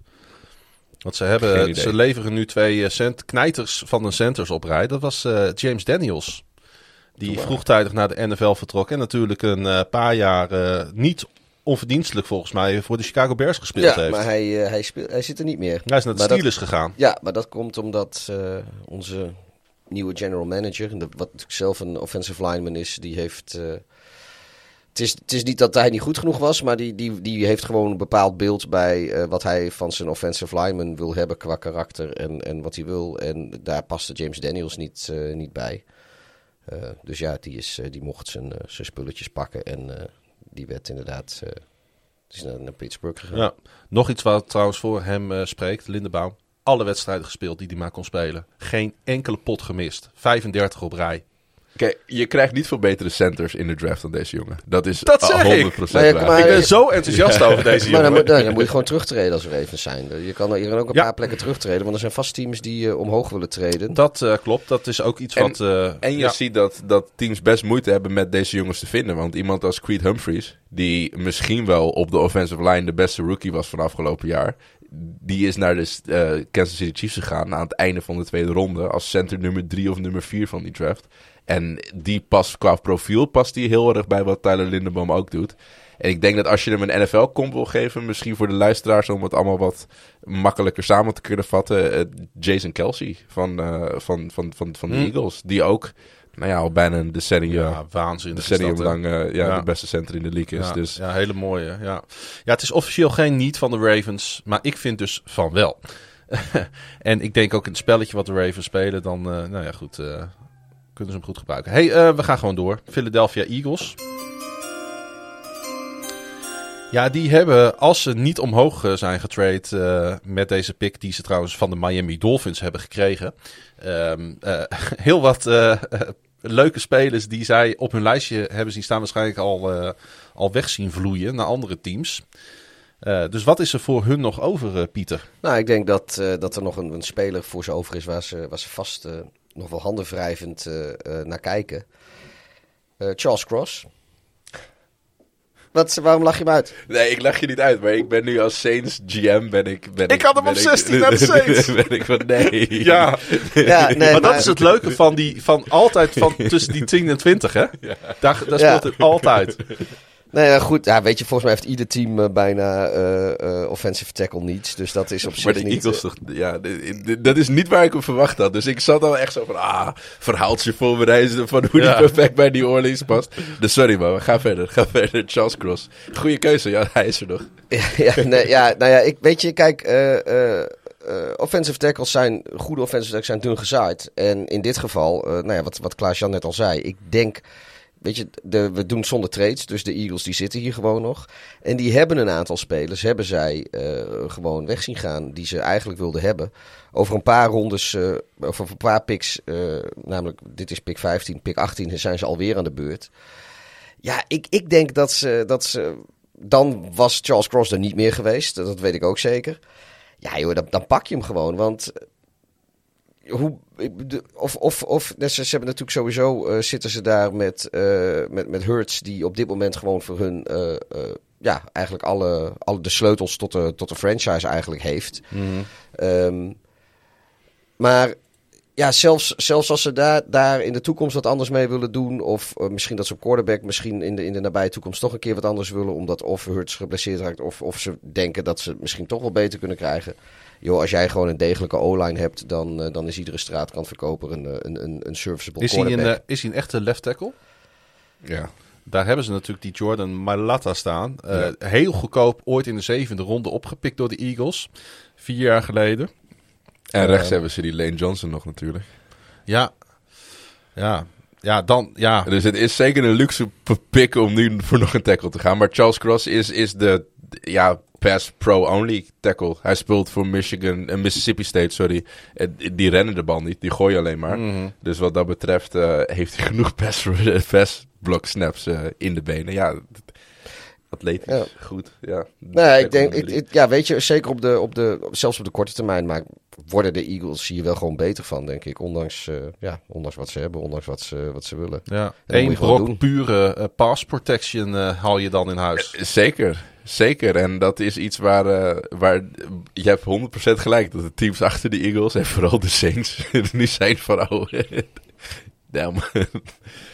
ja, Die gaan heel hard vloeken. Ik moet wel zeggen dat zijn run blocking is wel eh, een work in process. Omdat 79% van zijn college snaps waren pass blocking plays. In die Hmm. air raid offense van, eh, van Mike Leach. Ja. Ja, dat, ja dat is, hij is de, de pass pro man. Wat, Ja, Ja. Maar dat, dat kan ook. Wat hij eh, net dat, zei. dat, zo is hij ontwikkeld doordat hij aanval zo speelde.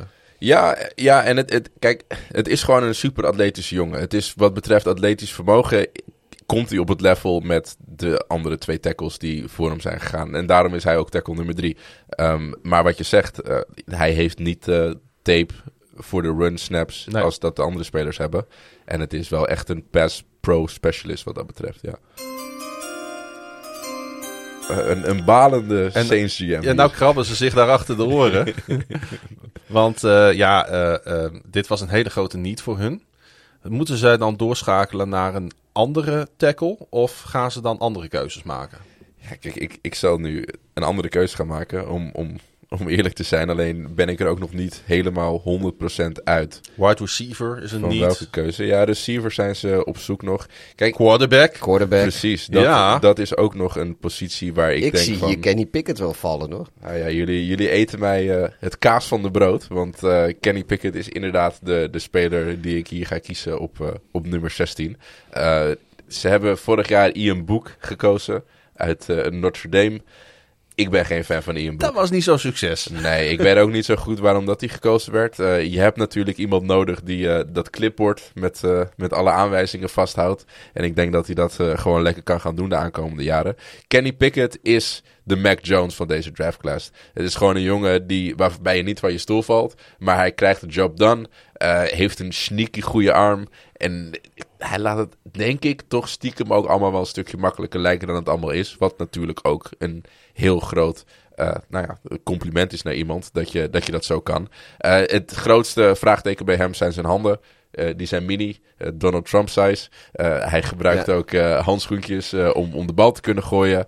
Ik denk echt... De twee bal- handschoenen aan. ja, precies. In de, precies. in de NFL is de bal weer net een klein stukje groter dan in college. Ja, ja, dus dat zijn allemaal dingen waar wel eh, terechte vraagtekens voor zijn. Maar aan de andere kant denk ik ook dat die vraagtekens een klein beetje overtrokken kunnen worden.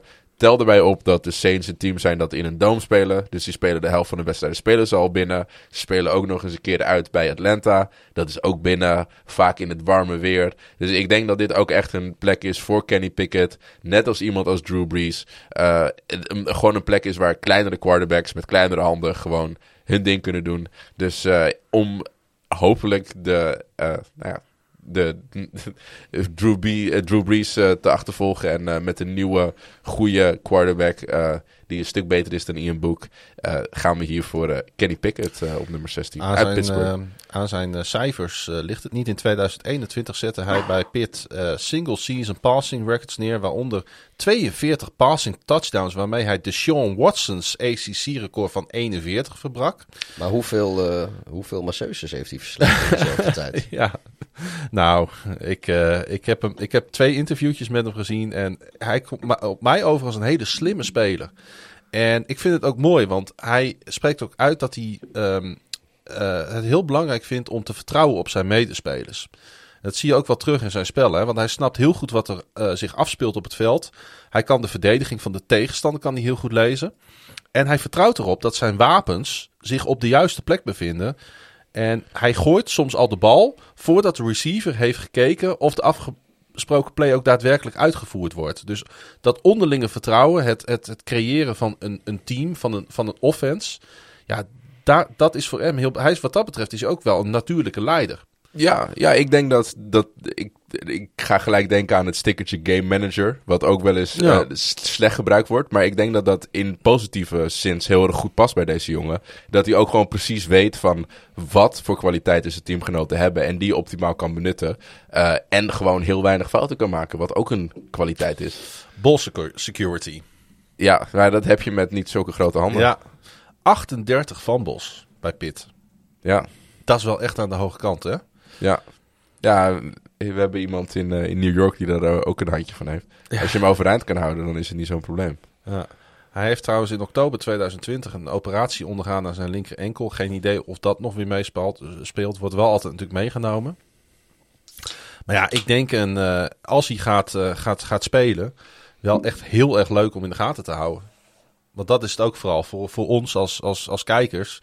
Dat dit soort nieuwe jongens gewoon eh, hè, zich, zich melden aan het front. Ja, en Ja. Daar kijk, kijk de- ik wel heel erg naar uit. Kijk, Ja, zit zeker. natuurlijk een beetje met, eh, met Peyton eh, nog in het hoofd eh, toen hij daar zat. Maar het, het, is ook juist, inderdaad, is New Orleans denk ik bij uitstek ook, eh, ook een team waar zo'n jongen...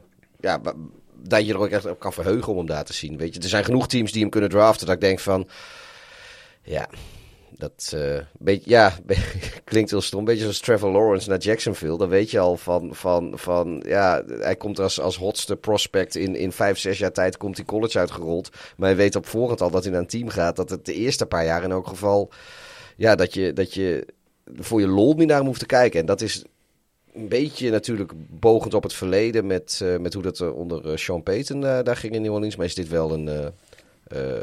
eh, eh, ja, is, is, ja, je kan ik hier wel enthousiast van worden, zeg maar, voor, eh, voor zo'n eh, voor zo'n Kenny Pickett. Zijn we aanbeland op eh 17. We zijn over de helft. Gaat lekker snel dit.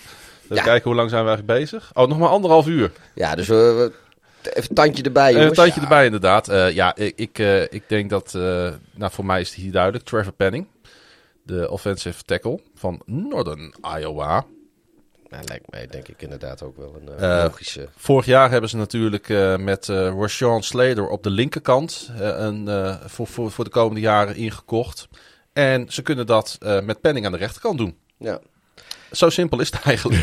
Nou, ik, ja, ik, ik denk dat dit ook inderdaad wel de meest logische pick is hoor, voor ze op deze positie met dit bord. Want ze hadden natuurlijk eh, eh, Brian Beluga hadden ze daar ooit eh, als right tackle. Nou, die was de halve tijd geblesseerd en die hebben ze volgens mij ook gekut ondertussen. ja, dat zou heel goed kunnen. En ik, bij mijn weten hebben ze dat in ieder geval in free agency niet geadresseerd. Dus daar zit een, een, een.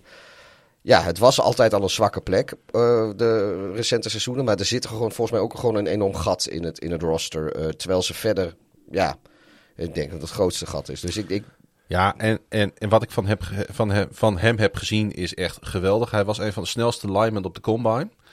Eh, Ja. Dat spreekt natuurlijk ook voor hem. terwijl hij toch la- best groot is. Ja, Superatleet. hij heeft, hij, zijn, zijn armen slungelen er dan een beetje achteraan, zeg maar. Want hij heeft hele lange armen. Ja. Maar ja, ik vond het echt eh, waanzinnig om hem aan het werk te zien. Ik, vond, ik vind ook zijn verhaal mooi, want hij is opgegroeid in Clear Lake in het noorden van Iowa, 30 kilometer ten zuiden van de grens met Minnesota. Dan weten we allemaal wel een beetje in wat voor gebied hij woonde. Er wonen niet zo heel veel mensen, daar is niet zoveel. En hij ging naar een eh, high school in Mason City. En die high school had de laagste kwalificatie voor 11-man voetbal in de hele staat Iowa. Nou, en daar wordt behoorlijk gevoetbald. En daar is, hij dus, eh, daar is hij dus begonnen. Daar speelde hij tight end en defensive end. En omdat de aanval run heavy was, moest Penning opdraven op de O-line. En zo is hij daar beland. Ja, en dat, dat zie je ergens ook wel terug. Want Ja. het is echt een... Je zei het al even van hoe hij ervoor liep, maar het is echt een, echt een atleet. En ik, ik denk ook dat dat de upside is waarmee hij gedraft gaat worden.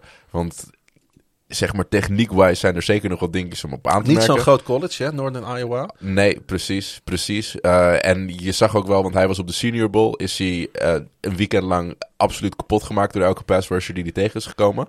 Maar dat zijn ook dingen waarvan je moet leren, want Ja. het niveau, is- de stap eh, in niveau is, is gewoon heel erg Hij groot. heeft zo hard gewerkt in de Ja. gym, iedere dag om die spiermassa te kweken. Hij heeft de afgelopen drie jaar, las ik ergens, iedere dag in de gym gezeten. Hij heeft geen enkele dag overgeslagen. Ja. En ja, hij past voor mij ook wel bij die Chargers. En eh, ja, ik vind, dat, eh, ik vind sowieso dat heel, heel veel spelers bij de Chargers passen. ik heb wel een zwak voor ze. Ja, dat snap ik. Wordt een sleeper team aankomend jaar. hè? Dus eh, Trevor Penning, tackle Northern Iowa naar de Chargers. Ja, Pieter, de Eagles mogen alweer kiezen op Ja. 18. Een pick die ze van eh, de Saints hebben gekregen. Eh, ja, volgens mij wel. Ik weet, ik weet zo niet van wie, die, eh, van wie die pick komt. Maar ze hebben hem in ieder geval cadeau gekregen. Nou, zeg het maar.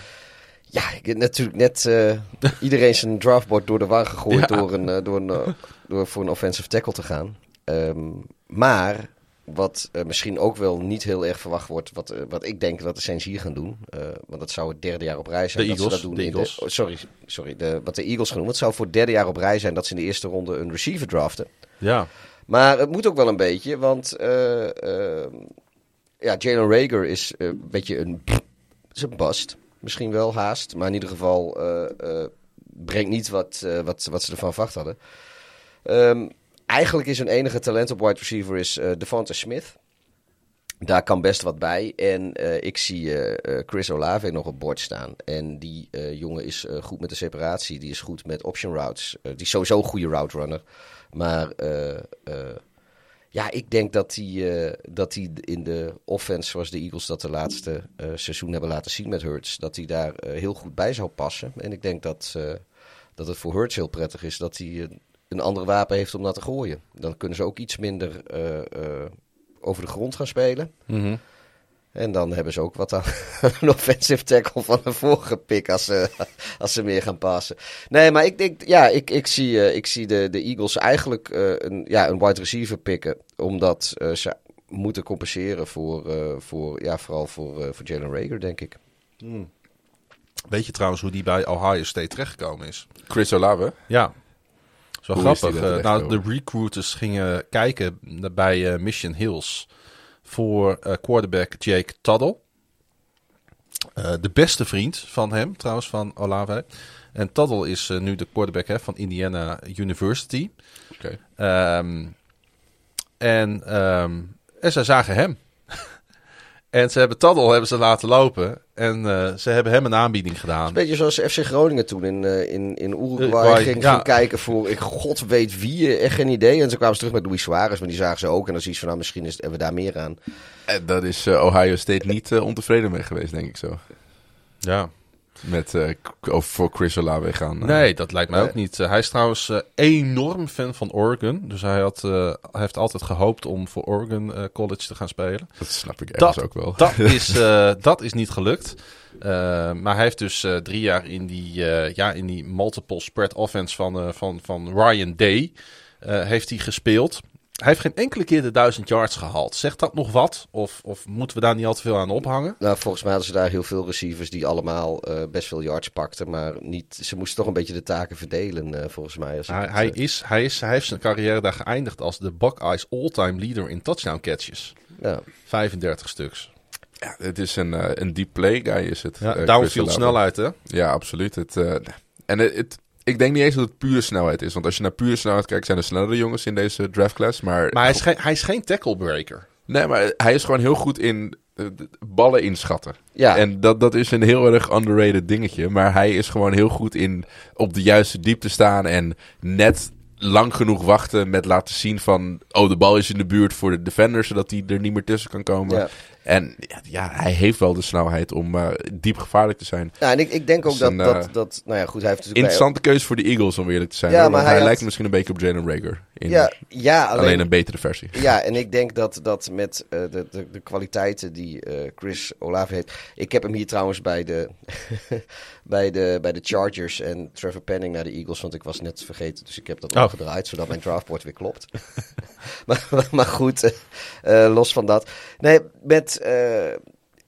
Inderdaad, met die diepe bal ook. Dat is wel een beetje waar ook de kracht van, van, van Hurts wel ligt. Want die kan natuurlijk een beetje de, de, ja, hij kan, hij kan de play wat verlengen met zijn met zijn voeten.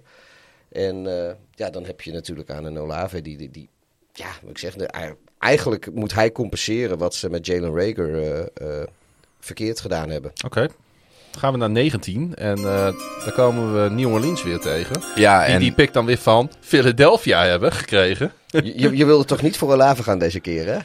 Nou ja, het, het, het, lag er een beetje aan waar jij voor ging natuurlijk. En nu hoe het zo is achtergebleven, kan ik als Saints niks anders doen dan Jermaine Johnson Ja, kiezen. Absoluut. Want ik weet niet wat hij nog op het bord doet daar. Want ik heb Eh, een edge voor hun staan, maar niet deze. Nee, precies. Er Ik is- had, eh ik had Kar Kar Karloftis. Karloftis had ik. Karloftis. Ja, van Purdue. ja, nou, we gaan Die heb ik namelijk zien spelen vorig jaar in eh, Chicago. Ook, dus ook, eh, een, ook een zeer goede is speler. die mij hoor. zeer opgevallen. Ik denk dat Jermaine Johnson kan zijn wat Peyton Turner misschien niet helemaal is geweest in de, deze eerste seizoen zelf. Een edge rusher die ze vorig jaar hadden gekozen uit Houston. Johnson is senior, eh, heeft helemaal kapot gemaakt op de Senior Bowl. En is iemand die gedurende dit seizoen echt beter is geworden. Je ziet gewoon de progressie van de allereerste week tot en met de week dat hij in de Senior Bowl eigenlijk jongens als Trevor Penning, eh, Bernard Ryman, de hele week gewoon helemaal eh, misselijk heeft gemaakt met allerlei rush snaps om ze heen te lopen. Ja, een hele goede speler. eh, de perfecte body voor die 4-3 positie als een edge rusher. En ja, gewoon een eerste ronde edge positie. Ik, als je hier nog is om de 19e pick, dan moet je er heel blij mee zijn en dan moet je hem vooral nemen. Oké. Ja, dan... ehm, Draften jouw grote vrienden. En wie eh, wordt dit dan de eerste kikker? Ga jij dat dan, ga je dat dan hier doen? Nee, ik, eh, ik, eh, ik ga voor Desmond Ridder. Want eh, de Pittsburgh Steelers gaan absoluut een quarterback draften. Het is even de vraag Ja, of is- zij wachten totdat er een quarterback in hun schoot gaat vallen.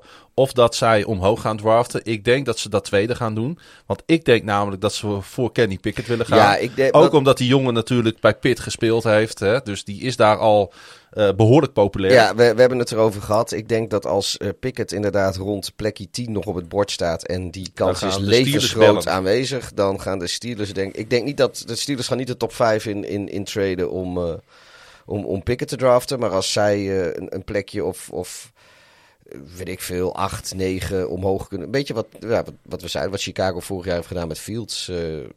Ja, als, als, als het valt zoals het valt, ja, dan moet je in één keer eh, snel handelen. En dan, Ja. dan eh, dat zie ik ze wel doen. Ik vind het wel leuk op zich dat Desmond Ridder eh, nu nog even in de eerste ronde aan bod komt. Want ik had hem niet in de eerste ronde staan. Maar ja, alle andere quarterbacks, de twee anderen zijn al weg. Dus, die zijn al weg. Maar hij heeft toch wel een eh, bijzonder verhaal. Want Desmond Ridder werd geboren in Louisville, Kentucky. Zijn moeder was op dat moment 15 jaar oud. En hij werd dan ook vooral grootgebracht door zijn oma. Dat gebeurde in de bekende en de beruchte wijk de Highlands in eh, Louisville, waar veel nachtclubs te vinden zijn. De wijk stond lang bekend om vandalisme, geweld. De biologische vader, die is nooit in beeld geweest en dus werd zijn stiefvader, Aaron Ice, erg belangrijk voor hem. Op eh, St. Xavier High begon Ridder als backup quarterback, mede ook omdat zijn groeispurt wat later kwam. En als eh, junior noteerde hij meer rushing dan passing touchdowns. Hij bleef. eh, hij is eigenlijk zijn hele eh, eh, high school college carrière fysiek misschien een klein beetje achtergebleven. Daardoor was er in eerste instantie ook weinig aandacht voor hem. Maar dat veranderde toen hij een workout deed bij Cincinnati. Hè, waar Zack Taylor oog voor hem had. Inderdaad, de huidige headcoach van de Cincinnati Bengals. En toen de tijd de OC voor de Bearcats. Hij regelde een scholarship en Ridder wist van gekkigheid natuurlijk niet hoe snel hij die moest, moest tekenen. Ehm, en ja, als je dan ziet waar deze jongen vandaan komt. En eh, ja, we houden natuurlijk af en toe wel van zo'n All-American story. hè, Zo'n tienermoeder, 15 jaar. Daar is hij eh, uit voortgekomen. En eh, nu waarschijnlijk wordt hij... Is de tien, tienermoeder van 15 jaar, is dat een All-American story? ja, dat gebeurt. eh, ja, ik denk dat dat in die regionen dat dat wel een All-American story is, ja. Ja. Ja. niks schreeuwt meer Amerika dan Team Pregnancies, toch? Nee, precies.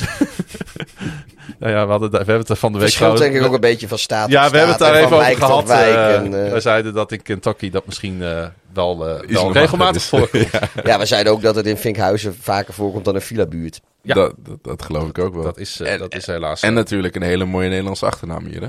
Ja, Ridder. Ridder. Ja, Ridder. Eh, hey, eh, ik denk net als Willis een bewegelijke quarterback. Maar Ja. wel een die met eh, relatieve kalmte rond de pocket kan manoeuvreren. Zo zie ik Ridder wel voor me. Sterke arm, gebruikt het hele veld. Durft ballen ook in de tight window te gooien. Neemt zo af en toe ook zijn verlies wanneer dat de betere optie is. En heeft in thuiswedstrijden voor Cincinnati een 26-0 record record neergezet. Overall is hij 43-6. Ja, het, het is, Ridder is gewoon een hele goede college QB. En dan is de vraag nog een beetje van hoe gaat dat zich per se vertalen naar de NFL toe. Want Ja. rennend is hij denk ik de beste QB in deze draft. Beter dan Malik Willis. eh, ondanks dat hij de betere nummers heeft. Eh Carol, of hoe heet het, eh, Cincinnati speelt op een iets hoger niveau wat betreft college. Heeft Ja. ook echt een aantal hele, hele goede jaren gehad de afgelopen paar jaar. Dit jaar stonden ze natuurlijk in de playoffs van de college voetbal. Eh, en dat komt ook wel door deze jongen. Dit is ook wel echt iemand die daar al die goede jaren bij is geweest. Dus wat betreft cultuur bouwen en wat betreft nou ja, leider, denk ik dat het echt een, een, een topper is. Mijn vraagtekens zijn nog een beetje bij hoe goed is hij daadwerkelijk als een quarterback. Want dit zijn gewoon jongens die niet te vergelijken zijn met spelers, eh, quarterbacks die in de eerste ronde gingen eh, de afgelopen jaren. Die zijn gewoon zoveel verder in wat het is om de bal te gooien vooral. Dat weet ik nog niet per se bij Ridder. Lopend, ja. Gooiend, Het is niet trouwens wel- helemaal zeker nog. Maar ja, ja lastig quarterback Het is wel, eh, ja, weet je, het is, het is natuurlijk allemaal helemaal te verklaren en, en eh, zo simpel is het niet. Maar het is natuurlijk wel een beetje een wrang dat, eh, dat na, zeg maar, nou, dat, dat ze net op een, op een hele droevige manier een quarterback verloren hebben als ze dan direct in de eerste ronde weer een quarterback gaan draften. Tuurlijk is het waarschijnlijk, wel hadden ze dat hoe dan ook wel gedaan. Ik, ik denk oprecht dat, eh, dat het, eh, dat het verongelukken van Dwayne Haskins daar niet zoveel heel veel invloed op heeft. Maar ik zit me net te bedenken als inderdaad, en die kans is heel groot dat, dat Pittsburgh voor, voor een quarterback gaat. Dat er wel een beetje een, een, een, een, ja, een, een soort wrang beeld. Oh, maar ja, nogmaals, dat is niet, eh, niet dat de Pittsburgh daar iets aan kan doen. Of dat ze daardoor niet zouden moeten gaan voor een quarterback als ze dat echt willen. Maar Nee, ja, het is wat, wat, wat ja. we worden er vooral gewoon een beetje verdrietig van als we dat weer horen. Ja. Ja. Dat is, eh, dat En is ik- vreselijk. Ik denk ook dat je dat los van elkaar moet zien. Het is Ja. Ja, nee, dat is ook zo. Alleen het is toch weer een, een, een zeg maar over, weet je, de NFL-trein die dendert ook gewoon door, on- Ja. ongeacht wat er gebeurt. En eh, ja, toevallig is quarterback gewoon een grote niet van Pittsburgh. Hoewel, ja, ze hebben natuurlijk eh, AFC North vers, ver- verslaander eh Trubisky daar ook. Ja. Ik ben, is, eh, ben heel benieuwd hoe die quarterback situatie in eh, Pittsburgh zich- gaat ontvouwen. Ik denk een van de grote storylines in de NFL eh, Ja. voor komend seizoen ook om in de gaten te houden. Volgens mij is Trubisky ook echt de enige quarterback in de AFC North die nog nooit heeft verloren in de AFC North. Ja, dat is, eh, dat, Oké, dat- voor mij heeft maar vier wedstrijden gespeeld daar, maar toch. Welke trein ook doordende, dat is onze trein. We zijn aangekomen eh, op 21 bij eh, de New England Patriots. En eh, ja, ik, ik ga even een voorzetje geven. Zij zijn daar natuurlijk hun star corner, Jackson, kwijtgeraakt. Betekent dat, dat, betekent dat dat ze moeten anticiperen in de draft, Pieter? Ja, ze moeten zeker anticiperen in de draft, maar niet zozeer op het verliezen van hun ster corner. Want ze hebben daar nog wat meer dingetjes. Eh Calvin Noy is gereleased. Eh, eh, Dante Hightower, zijn toekomst in New England is ook nog allerminst zeker. Dus ik denk dat eh, Bill Belichick wel ziet hoe belangrijk een, een, een goede linebacker is. En dat hij daar helemaal geen risico's wil nemen. En dat hij, dat hij naar het bord kijkt en ziet dat Devin Lloyd daar nog staat. En ik kan me niet voorstellen dat Bill Belichick die dan laat staan. Dus Devin Lloyd kies ik richting Foxborough. De linebacker van Utah. Ik ken hem niet zo goed. Ja, beste linebacker in deze klas. Ik, was, ik was even bang dat je Nakobe Dean ging zeggen. Want dat is mijn meest overhypte linebacker. Misschien wel speler in deze klas. Ja, maar dat, die, die draaft Belichick niet. Dat, Nee, nee, precies. Die- precies. Wel Dat- een beetje dat- het product ook van Georgia, hè? Eh, heel erg, Ja. heel erg. En ik denk dat hij een van de weinige spelers van Georgia is bij wie je ook echt kan zeggen van... Ja, je had zo'n defensive line voor je, dat er kwam gewoon nooit een speler door om jou te blokken. En daar zie je echt verschil in. En, of daar zie je echt de benefit voor eh Nakobe Dean in. Devin Lloyd, eh, ik, hij lijkt een beetje op Fred Warner wat betreft body type. Zo. Eh, ja, dus dat, dat, dat, dat is nogal wat. Hij is super veelzijdig, eh, super atletische speler, de meest atletische linebacker in deze draftclass. Moeilijk te blokken. En ja, ik denk ook echt wel een, een New England speler. Gewoon een jongen die gewoon overal in en uit kan roteren. eh, veelzijdig genoeg is, maar ook groot en sterk genoeg is om een beetje in die Ja. Dante Hightower rol te Nou, en ik denk wat een van de dingen die, eh, die ze in New England eh, heel erg op prijs zullen stellen, wat zo natuurlijk een goede kwaliteit is in een, in een linebacker, is dat hij, hij zijn voetbal-IQ is best goed. Hij, heeft, eh, hij is prima in staat om, eh, om voor de snap eigenlijk al te bepalen of het een, een running play of een passing play gaat worden. Ja. En eh, dan ook tijdens de play eigenlijk bijna altijd te weten waar de bal is. Want Dat, ja, dat klinkt ook heel voor de hand liggend, maar dat is ook weer een, een onderschatte trade voor, voor of tenminste. Ja. En wel of niet niet, en onderschat, wel of niet blitsen? Maar Ja. daar, daar, daar denk je vaak niet aan, dat, dat ze daar ook heel bewust van moeten zijn. Ja. En eh, dat zijn dingen waar hij ook gewoon sterk in is. En dat zijn denk ik nou juist de dingen waar Belichick heel erg van houdt. Dus En, ja, en hij is niet te blokken. Hij is, hij is letterlijk het tegenovergestelde van Nakobe Dean. Die eigenlijk net iets te klein is. En best wel snel, als er een line, eh, offensive lineman doorkomt, niet van het blok af kan komen. Devin Lloyd is het tegenovergestelde. Die jongen, wat je al zei, hij is zo goed in de positie kiezen. En ervoor zorgen dat hij niet volgeblokt kan worden om uit de play eh, ja, geduwd te worden, als het ware. Ik denk dat het de beste linebacker in deze klas is. En ik denk dat het ook een hele, ja, echt een speler is die een team heel erg gaat versterken in één keer. Maar het is geen fulltime pass rusher, hè? Hij moet Nee. wel, hij moet wel eh, eh, doseren. Ja, eh, het is, het is gewoon echt een linebacker. Ik, ja, ik maar zou hem ook spelen als, linebacker. in- Precies. Ja, ik, ik zou hem ook spelen als Mike linebacker. Dus waar je eerste taak in eerste instantie is om ervoor te zorgen dat de run niet ver gaat komen. Waar je het in eerste taak in, is om de running back te coveren. Maar is hij meer dan een ondernieuw speler of zakt hij eh, meer terug als linebacker? Ah, hij kan allebei. Ik denk dat hij redelijk veelzijdig is om in ieder geval eh, running backs en de, de, de langzamere tight ends te kunnen coveren. Hij is Ja. redelijk lang. Ehm, maar ik, ik, hij is ook gewoon heel sterk in de run. En hij zou een pass rush hier en daar kunnen brengen. Dus hij kan alle drie kan hij gewoon goed. Ehm, maar als ik, ik, als ik iets moet aankaarten, denk ik toch echt wel dat het, dat het, dat het de run stopping is die hem uniek maakt in deze draftclass. Want een, een, een jongen als, als Quay Walker is ook wel echt een goede pass rusher. Hij, hij ook wel hoor. Devin Lloyd ook wel. Hij heeft het atletisch vermogen in ieder geval ervoor om het te doen. En dan is het nog de vraag van hoe gaat het naar de NFL eh, vertalen. Maar wie weet is dit een... eh, ik wil niet zeggen dat het een Parsons is, maar... wat in de buurt komt op de linebacker. Het meest in de buurt van Micah Parsons. Dan ben ik, dan ben ik weer, hè? Ja, want eh, we zouden ze bijna vergeten. Maar ze hebben natuurlijk een pick gekregen van de Las Vegas Raiders. De Green Bay Packers eh, mogen op 22 eh, gaan kiezen. Zal ik, eh, zal ik gewoon snel kiezen? Eh, ik kies voor eh, Christian Watson, wide receiver, North Dakota State. Ehm, ja, die had ik ook staan. Ja, Op- op- met potlood dan. eh. nou, mooi zo. Dat eh, is eigenlijk de Marcus Velde Scantlin, maar sneller, groter. eh beetje dezelfde problemen. Eh, het grootste probleem van deze jongen is dat hij wel eens een balletje laat vallen. Maar dit, dit, dit, dit is iemand die onder de 4-4 rent, eh 6'5 is.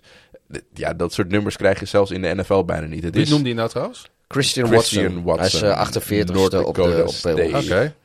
Dus ja, dat vind ik toch wel opvallend. Want ik had ook wide receiver. Ik had alleen Burks staan. En Ja. eh, Johan Jo- Dodson is ook nog eh, in, eh, ja, in de field aanwezig. Maar jij gaat dus heel bewust hier voor deze wide receiver van Omdat North een- Dakota State. Omdat het de enige, nou ja, de beste ex-receiver in mijn ogen op het bord nog is. Kijk, George Pickens is iemand die veelzijdig genoeg is om daar op meerdere posities misschien Z-ex te kunnen staan. Maar Watson is echt een beetje, denk aan Claypool van de eh, Pittsburgh Steelers. Mm.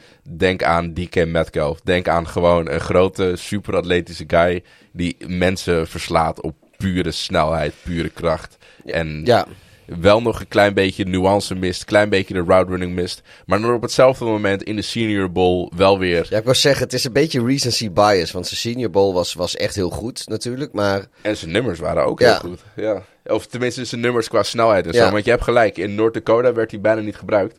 Maar ja, North Dakota is ook een team dat de bal 40 keer per wedstrijd probeert te rennen. Dus dan Ja. is het ook de vraag van hoe ver krijg je als receiver de bal.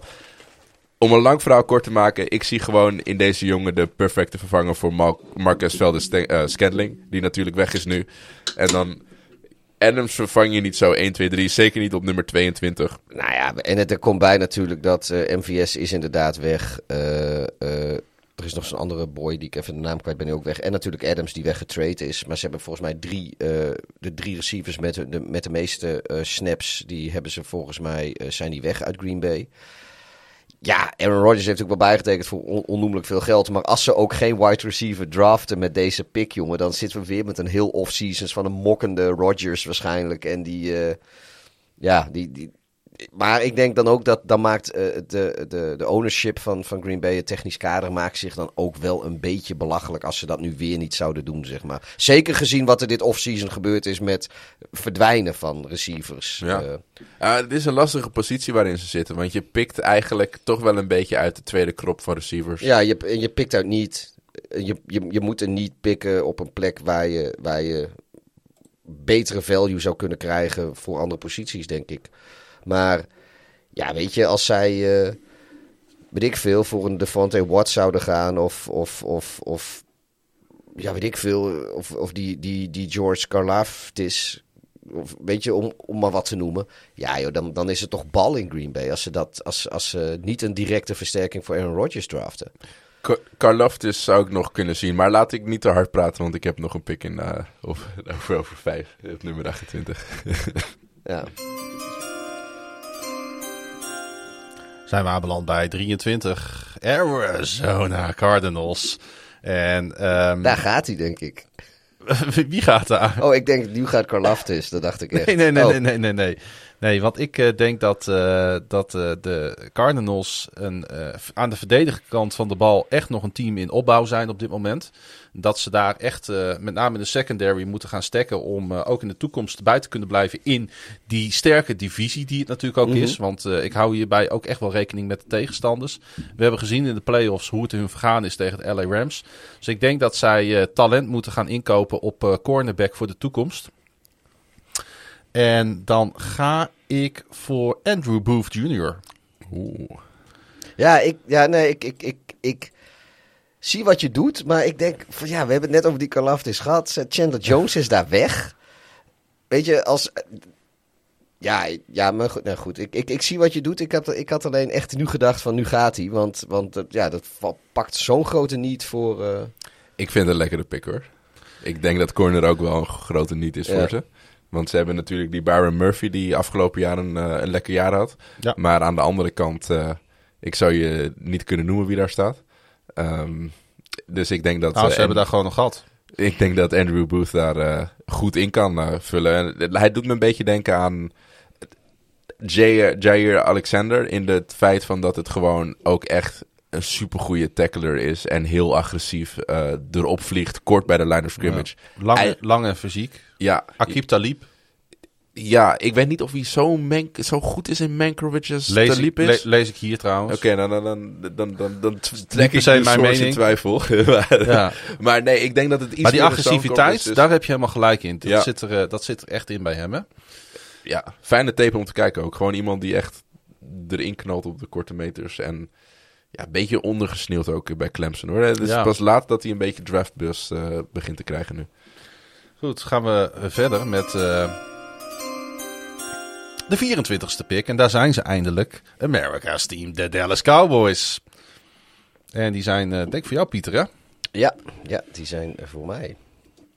En eh, ja, ik denk dat... Gaan zij dan voor Edge? Nou, weet je, eh, nee, nee. Ik denk dat, eh, dat Dallas met deze pick zeker niet iets eh, verdedigends gaat doen. Ze gaan iets in de aanval doen. Het is heel verleidelijk, denk ik. Sowieso, ja, weet je, Murray Cooper is weg. Wide receiver zou kunnen, maar ik denk dat ze voor de guard-positie gaan met Zion Johnson nog op het bord. Ja. Die, wat ik bedoel... die wordt we- ook ingeschaald overal eigenlijk wel in, in tussen de 20 en 32. Ja, Ja. en het is er heel belangrijk eh, dat is, is- juist in Dallas weten ze hoe belangrijk het is om te zorgen dat, eh dat Dak Prescott eh, gewoon op zijn op zijn beide benen blijft staan en niet continu op zijn rug ligt. Ja, dat. de- deze, ja, ik, ik moet eerlijk zeggen, ik weet zo niet precies hoe de Cowboys in de tweede ronde kiezen. Hoe dat allemaal zit verder. Ik, ik ga er even vanuit dat ze, dat ze daar ook gewoon rond dezelfde plek pikken. Weet je, deze wide receiver klas, ook al is de, is, is de top is wel weg ondertussen. Maar de, de, de, de, de, second tier wide receivers in, in deze draftklas is, is volgens mij eh, heel diep. Dat, dat is, eh, daar kun je best een ronde mee wachten. En eh, ja, offensive line, dat is eigenlijk ieder draft zo. Er zijn er altijd een paar spelers die, eh, die, die echt goed zijn. En daarna is er ook echt wel een drop-off vaak. Ja, ik, ik, denk, ik denk niet dat de, dat de Cowboys zich het willen veroorloven om hier niet voor Zion Johnson te gaan. Ik had hem op eh, 26 bij de Titans eh, had ik hem eh, neergezet. Mhm. Omdat ehm, hij natuurlijk, ehm, eh, eh, moet ik het goed zeggen... Aan de andere kant hebben zij natuurlijk eh, Christian Deriso daar staan. Dus ik vond hem daar een hele fijne, fijne Dan toevoeging. kunnen we onze podcast wel even noemen. Deriso Radio. Die noemen staat- dan. Nee, de- dat was zijn Die staat teamgenoot. bij de- Dat was staat bij de Vikings. Bij de Vikings. Hij was een teamgenoot van Deriso, sorry, bij eh, Boston College. Ik wist dat er ergens een link lag met eh, dus Deriso aan de ene kant en hem aan de andere kant. Dus ik had het heel erg leuk gevonden om die twee weer samen te zien spelen. Heb je weer zo'n paardje. Ja. Nee, eh, eh, ja, Zion Johnson. Ehm, eh, trouwens een top, top golfer. Dat is eigenlijk zijn grote passie. Ehm, ja, een, een, een, een, eh, indrukwekkend lichaam heeft de man, denk ik. Hè? In, met- in, in, in combinatie met play strength, spiermassa, heel snel reactievermogen. Zorgt ervoor dat hij zowel tegen de pass als de run volgens mij zijn werk goed kan doen. Ja, echt zo'n speler die zich kan ontwikkelen tot, tot zo'n langdurige interior NFL-blokker. Ja, eh, en het is een plug-and-play guy. Dat is, dit is echt van inside offensive line is dit de speler die je gewoon week 1 neerzet en je er gewoon niet druk over maakt voor de rest van het seizoen. Dus ja, dit, dit, dit- eigenlijk een topper die je wil hebben op een lijn als eh, Ja. die van Dallas. Die, Ik denk dat er heel veel teams in die, in die regio Dallas eh, rond 24 zitten die, eh, die hem eh, zullen overwegen of niet. ja, zeker. Als hij er nog staat. dan Als hij er nog staat, moment, ja. ja. zeker. Buffalo. Buffalo, ja. Op 25. Ik twijfel tussen eh, twee posities, twee positiegroepen. Ja. Eh, als ik kijk naar pure value, dan is het vrij makkelijk, want dan wordt het cornerback. Eh Trent McDuffie staat nog op mijn bord. Ja. Trent McDuffie is een speler die veelzijdig genoeg is om ook misschien als safety slash nickel. Eigenlijk elke Washington corner heeft dat wel een beetje Ik had hem. bij Buffalo. 25 op Buffalo. Ja, Oké, ja, nee, dan denk ik dat ik Ik had Andrew Booth juist naar boven. Ja, nou ja. Dan, dan denk ik dat ik hier misschien eh, af ga stappen. Want ik heb ook nog een andere positiegroep. Die ik zeker denk dat bij, deze, bij dit team gewoon heel erg goed past. En dat is de running back positie. ah, ik zat er al een klein beetje op te wachten. G- Ja. Gaat iemand een running... Ik, ik heb geen running back namelijk. Ik, ik, ik ook niet veel. Maar bij deze ga ik het denk ik toch doen. Want ik kom net van Kenneth Walker. En dat, dat, dat is de laatste running back tape die ik heb gezien. En ik denk dat dat een speler is waar Buffalo heel erg blij van gaat worden. Eh, past gewoon heel goed in de scheme die ze daar lopen. Een speler met ongelooflijk goede eh, De derde Kenneth Walker, hè? Dus, Ja. De derde Kenneth Walker. Eh, ongelooflijk goede contact balance. Michigan State. Om eerlijk te zijn, denk ik dat Breeze Hall ook goed in deze system past. Ja. ja, daar, daar is, eh, is eh, Frank eh, nou, wordt nogal het, zo, nou wordt het leuk. Ik zat al wat te glimlachen, Ja. want eh eh Breeze Hall natuurlijk, Iowa State. Ja. Eh, college waar Frankie eh, heeft, heeft, eh, heeft rondgelopen. Ah, En eh, ja, dat, dit zijn de twee top twee running backs in de draft natuurlijk. Hè? Ja. Kun je uitleggen waarom je dan toch voor Walker de Third gaat? ik denk dat hij atletisch gezien net een extra tikje heeft. Hij heeft net iets meer juice in mijn ogen dan dat Breeze Hall heeft. Ondanks dat Breeze Hall, kijk, het is echt 1A, 1B. Net als wat je misschien een beetje vorig jaar had met eh, die jongen van, van Denver. mhm. En eh, die, eh, hoe- heet het? eh, Hen- ben alle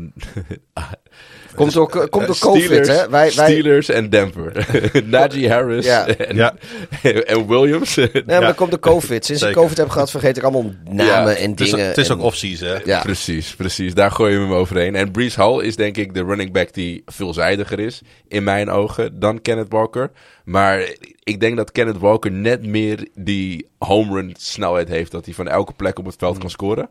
En in een team dat al running backs heeft, ze hebben Singletary al, ze hebben Zach Moss al daar, denk ik juist dat ze op zoek zijn naar een speler die echt de home run kan maken en kan scoren van elke positie op het Ja, veld. En dat is Kenneth Walker in mijn ogen. Ik, ik, ik moet zeggen, ik ben, eh, ik ben er niet zo'n fan van om running backs überhaupt in de eerste ronde te draften. Tenzij het echt generational talent zijn. En ja, ik weet niet of dat hier het geval is. En eh, de teams die het normaal gesproken doen, zijn vaak de teams die, eh, vind ik, het technisch beleid net niet, net niet zo goed op orde hebben op dat moment. Dus ik, ik, ik, ik, ja, ik weet niet. Maar hier, though, dit is niet plek nummer 4 of 5, hè? Nee, dat Aan is, dat, nee, dat, is, dat, dat is waar. Dat is waar. Maar ja, weet je, ik, ik ergens, ik, ik, ik, ik snap, ja, ik, ik snap wel wat, wat, je, wat je zegt, maar ergens, ik kan, ik kan me het eigenlijk niet voorstellen dat Buffalo dit zou doen. Maar, maar goed, ik, eh, het is wel mooi out of the box, want anders, als- anders was er waarschijnlijk helemaal Ze geen enkele running eh, back besproken. Ze En- kunnen eh, echt wel een, eh, een jonge, eh, snelle gast gebruiken hoor. Dus de niet is er inderdaad wel. Maar durven ze ook inderdaad hun eerste ronde pick eraan te spenderen? Dat is natuurlijk de grote vraag. ja. En zeker als je zo'n grote niet op cornerback hebt. Kijk, weet je, je hebt gelijk. De slimme keuze is hier om voor Trent McDuffie te gaan. Ja. En dan in ronde nummer drie of vier wel even te zien wat er gebeurt. Nou ja, het, Zeker pu- als het hij punt nog is op bord gewoon, staat. ja, en het punt Ja. is gewoon in andere positiegroepen is de drop-off eh, als je in de latere rondes komt gewoon zo eindeloos veel groter vaak dan bij running back. Tenzij je dus echt een Saquon Barkley's of zo, weet je wel, of, of Nou, dat is toch redelijk geflopt ook eh, met Saquon. ja, maar ja om, nee, omdat hij stuk ging, niet, niet omdat hij talent niet had. wij gaan hier voor, eh, voor, voor Kenneth Walker. En eh, Ja. wie weet eh, dat we Trent McDuffie voor een ander team laten dan. En dus geen Brees Hall, Iowa State. Laten we hem dan toch even eh, benoemen. Hij koos op gevoel voor de Cyclones. Die hem eh, ja, ontdekt hadden. Eh, hij had ook naar Nebraska gekund, Brees Hall. Want daar was zijn stiefvader namelijk running back geweest. Dat vind ik dan altijd wel mooi. Ehm, en zijn stiefvader, Jeff Smith, die werd uiteindelijk ook gedraft in de tiende ronde.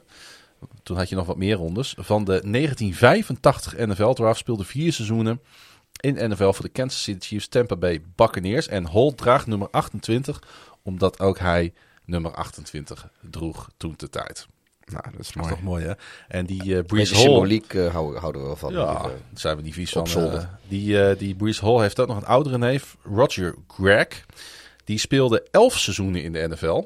Maar liefst. Van 1983 tot 1993 won hij drie Super Bowls. Doe maar. Bij welk team?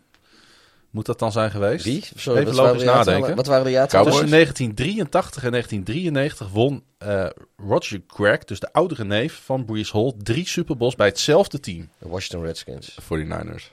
Voor die Niners. Oh. Yes. Nou ja, dat, eh, dat over Brees Hall, dat over deze twee running backs. Ik had niet verwacht dat we eraan toe zouden komen. Ben ik toch blij dat ik iets over ze opgezocht heb. En dan niet de speler die gekozen is uiteindelijk. Maar Nee. Gaan we naar eh, de Tennessee eh, Titans. En daar kom ik een beetje eh, in de knoop, want daar had ik Zion Johnson staan. Zoals ik eerder al zei. Dus dan moet ik even naar het draftboard eh, gaan kijken. En dan moet ik gewoon nu eh, op gevoel eh, moet, ik, eh, moet ik wat gaan kiezen voor hun. Ehm, oh, ja. Ehm, zouden zij dan voorbij durven te gaan aan Trent McDuffie? Zou wel.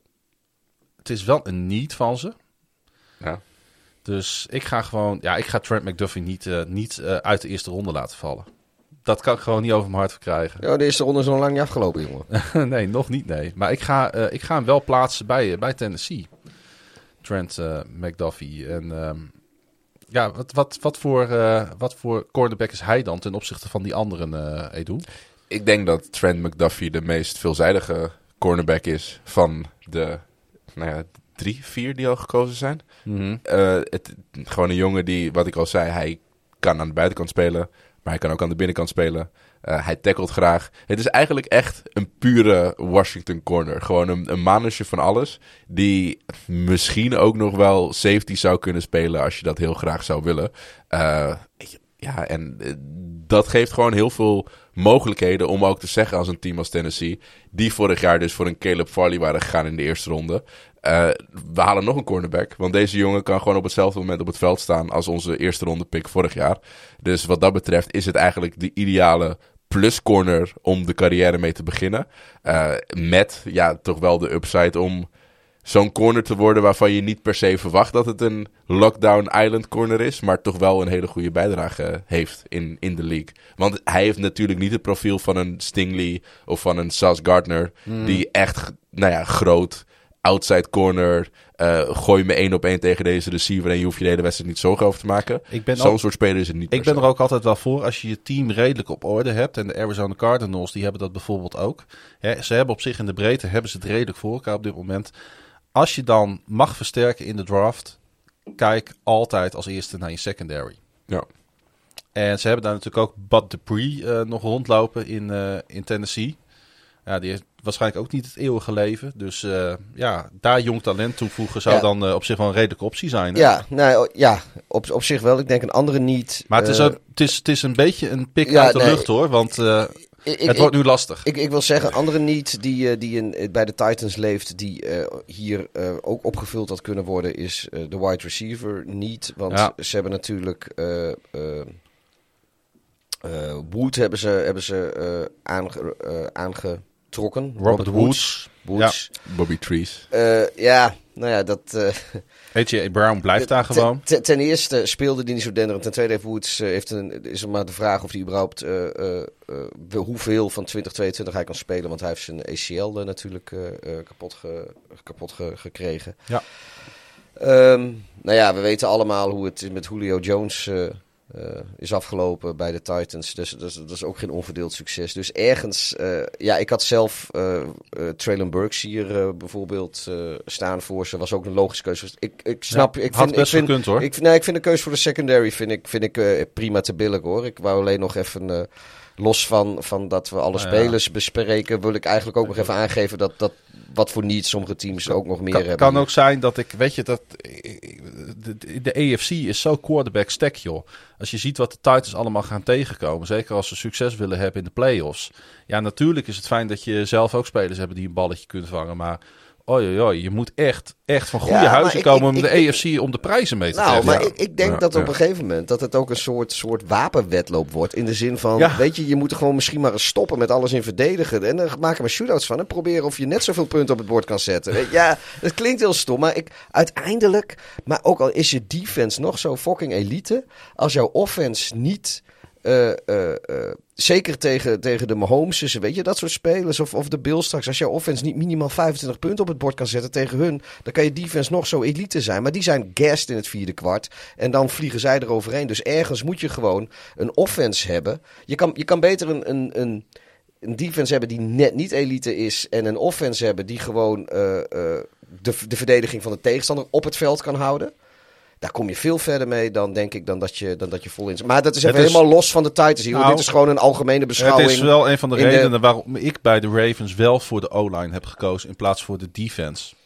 Ja, dit, wat ik zeg, deze beschouwing staat even los van de Titans pick. Mm. Maar dat eh, ja, het schiet me zo te binnen. Ik denk, de- deel ik even met jullie. Zijn we bij de bakkies? De Ja. Tampa Bay Buccaneers, Pieter. Ja, en ehm, het begint een beetje saai te worden. Maar ik, dat, dat- ik, ik kan er niks aan doen. Dit is toevallig hoe, eh, hoe het voor mij uitkomt. Eh, hier hebben ze ook cards verloren. Twee stuks maar liefst, die, eh, die met pensioen zijn gegaan.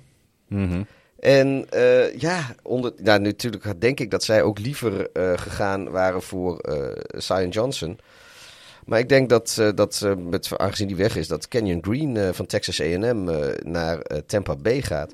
Ik, ik vind het een beetje samen. Ik zit volgens mij de hele tijd zit ik, eh, zit ik O-lineman te draften voor mijn gevoel. Maar eh, ja, ik denk wel dat wel dit is wat er gebeurt. Nou, valt wel mee. Ja, ook- voor, voor mijn gevoel is dit hoor. het is hun grootste niet. Daar begint het mee. Ja. En eh, deze guys, deze offensive linemen die we nu gekozen hebben, zijn ook allemaal gerankt in deze range. Ja. Dus ergens is het ook volkomen logisch wat je doet.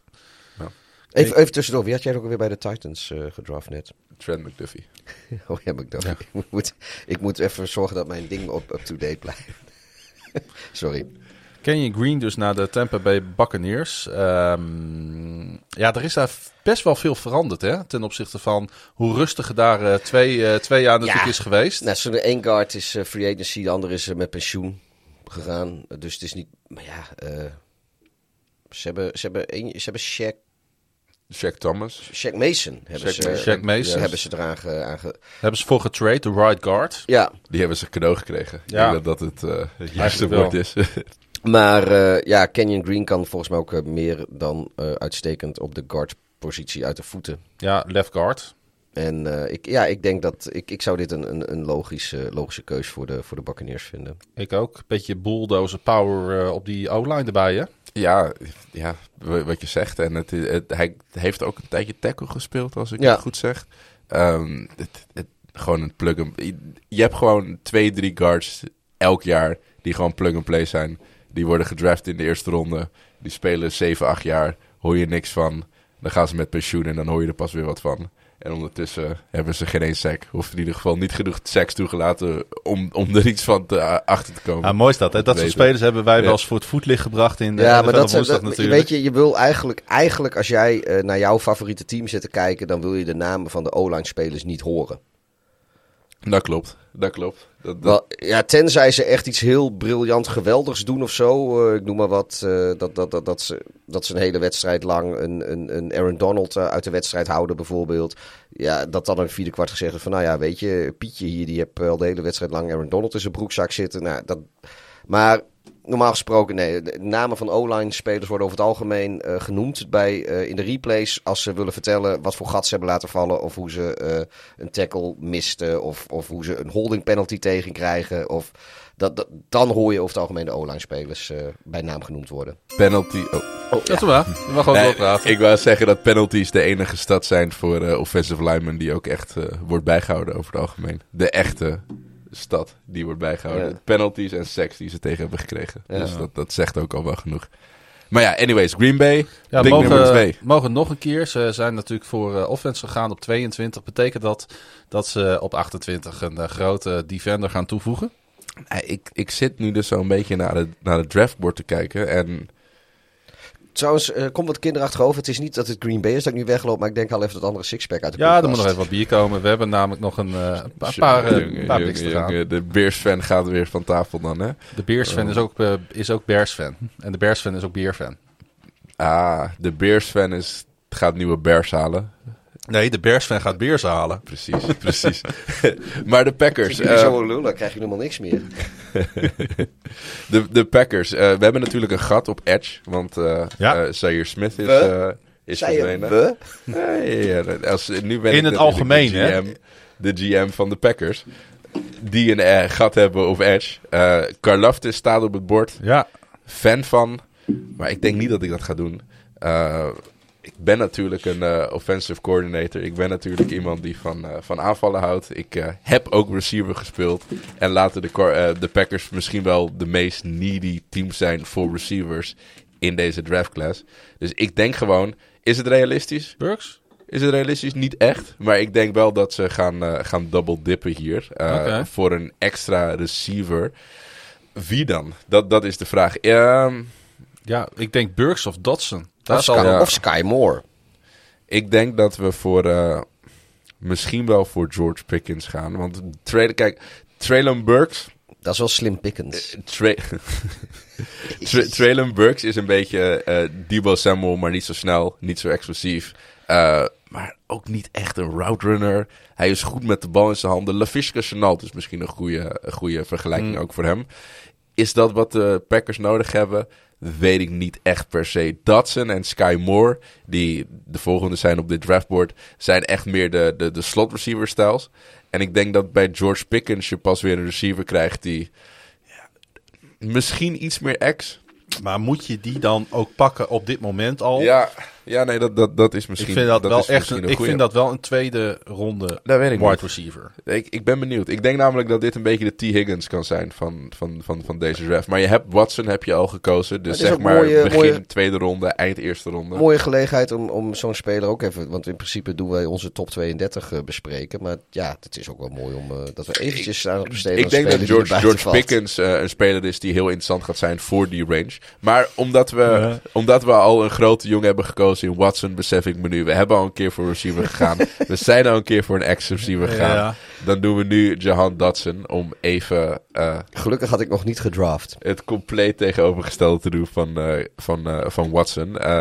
Grote jongen, kleine jongen. Volgens mij zijn ze in Engeland met voetbal heel erg fan van dat. Een grote spits, een kleine spits. We hebben een grote receiver, een kleine receiver. Jahan Dotson in de slot.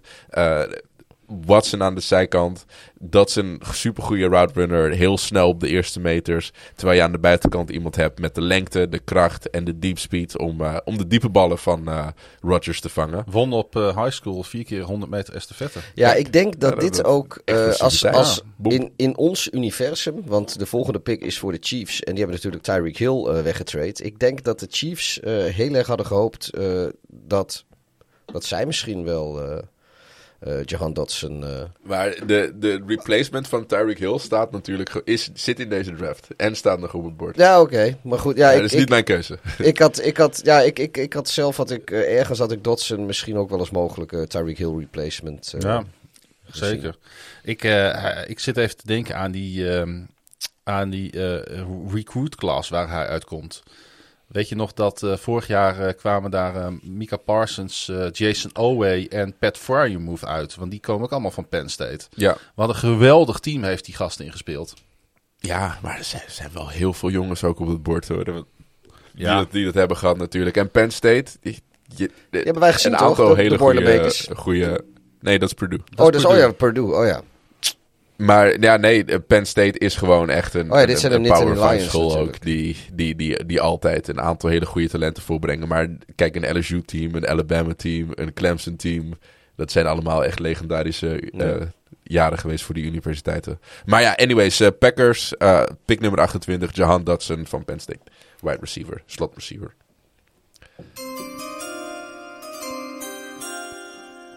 zijn we inderdaad aanbeland bij, bij de Kansas City Chiefs hè? Op, eh, op, eh, op 29. Ja, jij zei het al, Pieter. Eh, we voelen hem allemaal wel aankomen. Ze kunnen hier natuurlijk voor een wide receiver gaan. Ze kunnen ook op 30 voor een wide receiver gaan, want ze komen twee keer op rij. Eh, maar ik denk dat ze niet eh, eh, snel van, van gekkigheid niet, eh, niet eh, weten hoe, ze, eh, hoe snel ze een wide receiver, hoe snel ze een wide receiver van het bord moeten halen. Traden Burks gaat, eh, moet in de eerste ronde gaan, vind ik. Dus eh, ik zet hem bij, eh, bij de Kansas City Chiefs neer. We hebben het al een over hem gehad. Toch wel veel receivers, hè? Altijd. En het is ook echt een diepe klas. Want kijk, als we een. Dit draftboard heeft natuurlijk een bepaalde volgorde neergezet. Maar ik moet eerlijk zeggen dat ik het daar niet helemaal mee eens ben. Want een Alec Pierce, die hier op 128 staat, is in mijn ogen een tweede ronde receiver. Eh Kelvin Austin gaat tegen de eerste ronde aanzitten. Ik vind hem beter bijvoorbeeld dan eh Kadarius Tony, die vorig jaar gedraft is. Ja. Heeft iets meer lengte, maar eh Kadarius Tony. Maar Austin, in mijn ogen, een betere, een meer well-rounded receiver. Ik ben ook een groot fan van David Bell. Pickens, goede receiver. Dus je hebt gewoon een aantal hele goede, goede spelers erop staan. Sky ja. Moore ook. Dus het is... eh, Ik gooi Burks er maar in, want eh, eh, wel een aparte speler inderdaad. Jij zei het al terecht, wat meer een, een, een, een, ehm, een slot receiver. Misschien wel een beetje vergelijkbaar met, vergelijkbaar met Debo Samuel. Ja. Ja, gewoon iemand die heel goed is met de bal in zijn handen. Dat Mhm. het proces voordat hij de bal heeft, is niet zo heel sterk als je dat vergelijkt met de andere receivers. Maar met de bal in zijn handen eenmaal is het... Ja, hij heeft gewoon Alabama bijvoorbeeld helemaal kapot gerend. En dat, dat gebeurt Ja. niet veel tegen dat team. Eh, ja, 83% van zijn career snaps eh, waren in de slot, in line of in de backfield. Ja, precies. Dat is eh, een wapen, noemen ze dat volgens mij in Beetje college. een soort van Patterson-achtige speler, hè? Ja, ja, ja. Ja, ja, leuke speler. Ehm, of, of, of hij gaat landen bij Kansas City, weet ik niet. Maar ik weet in ieder geval zeker dat Kansas City een wide receiver eh, gaat, eh, gaat draften. En wat gaan ze dan met die andere pick doen, Pieter? Nou ja, ik, ik zal even het deuntje uitlaten. Deuntjenen. Ehm, ik ben blij dat jij voor de wide receiver bent gegaan. Wat kun jij voor, eh, voor die Edge gaan? Nou, ik ga dus niet voor de Edge. Oké. Ik ga voor Dexton Hill. De safety. Ja. En ja, nou ja, goed, weet je, hij, ik, ik, van deze safety van Dexton Hill is het volgens mij ook eh, zo dat hij, eh, als het moet, ook cornerback kan spelen. Dus in principe is hij, eh, ik denk wel dat safety zijn, zijn sterkste positie Mhm. is. Je gaat hem niet, maar ja, weet je, hij is, hij is, hij is vrij flexibel daarin. En ja, ik, weet je, de, de, de, de defense van de, van de, van de, van de Chiefs is ja, weet je, dit, het is, niet, het is geen beroerde defense, maar het, is- het is ook geen, geen defense die wedstrijden wint. En eh, nu hoeft dat misschien ook niet als je eh, eh, Patrick Mahomes aan, de, aan de aanvallende kant van de bal hebt. Maar ja, weet je, ze hebben natuurlijk, hoe heet die, Charvarius Ward, dat is, die cornerback hebben ze verloren. Eh, safety was al een beetje niet. Deze kan in principe Ja. beide plekken opvullen, afhankelijk van wat er verder nog gebeurt. Ja, ik denk echt dat dit, eh, zeker omdat ze twee picks achter elkaar hebben, een, een, een, een beslissing is die ze zouden kunnen nemen. Ja, hij kan inderdaad opduiken, denk ik, op meerdere spots in de secondary. Eh, ik, ik denk dat hij vanwege zijn gebrek aan lengte eh, in de box wat minder eh, te gebruiken is. Ja, maar goed is, is het. eh, Deep, deep safety. Ja. ja, nee, voor deep de, safety, ja. ja. maar voor, de, voor een team als de Chiefs, die eh, regelmatig vanuit met een voorsprong spelen, dat eigenlijk de tegenstander die bal toch al door de lucht eh, zou moeten spelen, of die betrokken zijn bij shootouts, ja, zijn dit soort spelers in de, in de secondary, denk ik, eh, eh, misschien wel belangrijker dan. Bij, eh, ja, bij andere teams, laat, laat ik het zo maar gewoon zeggen. Weet je, Ja. bij de, voor de speelstijl die de Chiefs graag hanteren, is dit, eh, en de wedstrijden die ze vaak hebben, is dit denk ik een, eh, ja, een, een logische pick. Maar dat ben ik. We zijn er bijna, mannen. Ja, en dan, dan, dan ga ik denk ik nog een keer voor waarde. Want eh, de verliezende Super Bowl finalisten, de Cincinnati Bengals, het inside O-line is natuurlijk waar, waar het meest om geschreeuwd wordt. Ik denk dat dit een plek is waar eh, onze vriend eh, die jij gekozen had voor de Raiders, eh Tyler Lindenbaum, perfect tot zijn recht zou kunnen komen. Als, Ravens. Volgens mij werd er Raiders gezegd. Zij- En- nee, nee, en- nee. Ja, jij zei Raiders. Hij zei Raiders. Ravens, Ravens. Ravens, Ravens, ik- Ravens. dat- Luister dat maar jij- terug. Ravens, Nee, maar dat Ravens, jij nog Ravens. niet over de tafel gevlogen bent. Nee, eh, joh. nee. Maar, eh, Je- denkt toch niet dat ik Edu aandurf? eh, nee, dat is is- waar. We zijn al even bezig, hè, jongens. Er zit al redelijk wat, eh, wat bier zit er al in. Zo. Ik voel Dus, hem ook eh, wel. ja, nee, we, we, we zetten goed door. Maar we, Ik, gaan, ik ben gewoon met tweede biertje bezig hoor. we, we sluiten niet af voordat we eh, deze speler in ieder geval nog hebben meegenomen in de eerste ronde. Want het is ongelooflijk een eerste, absoluut een eerste ronde speler. Eh, geen inside offensive lineman, maar een inside defensive lineman. Ja. Weer één keer van Georgia. Eh, weer iemand van die Georgia defense. Met Devontae Wyatt. Met die prachtige voornaam die je overal tegenkomt in de NFL. Heerlijk. Devontae. Heerlijke voornaam. Dan, dan, als je een kind wil in de NFL, noem hem Devante. Eh hier gaat er weer eentje. Eh, de beste pass rusher van Tree Technique. Eh, er is...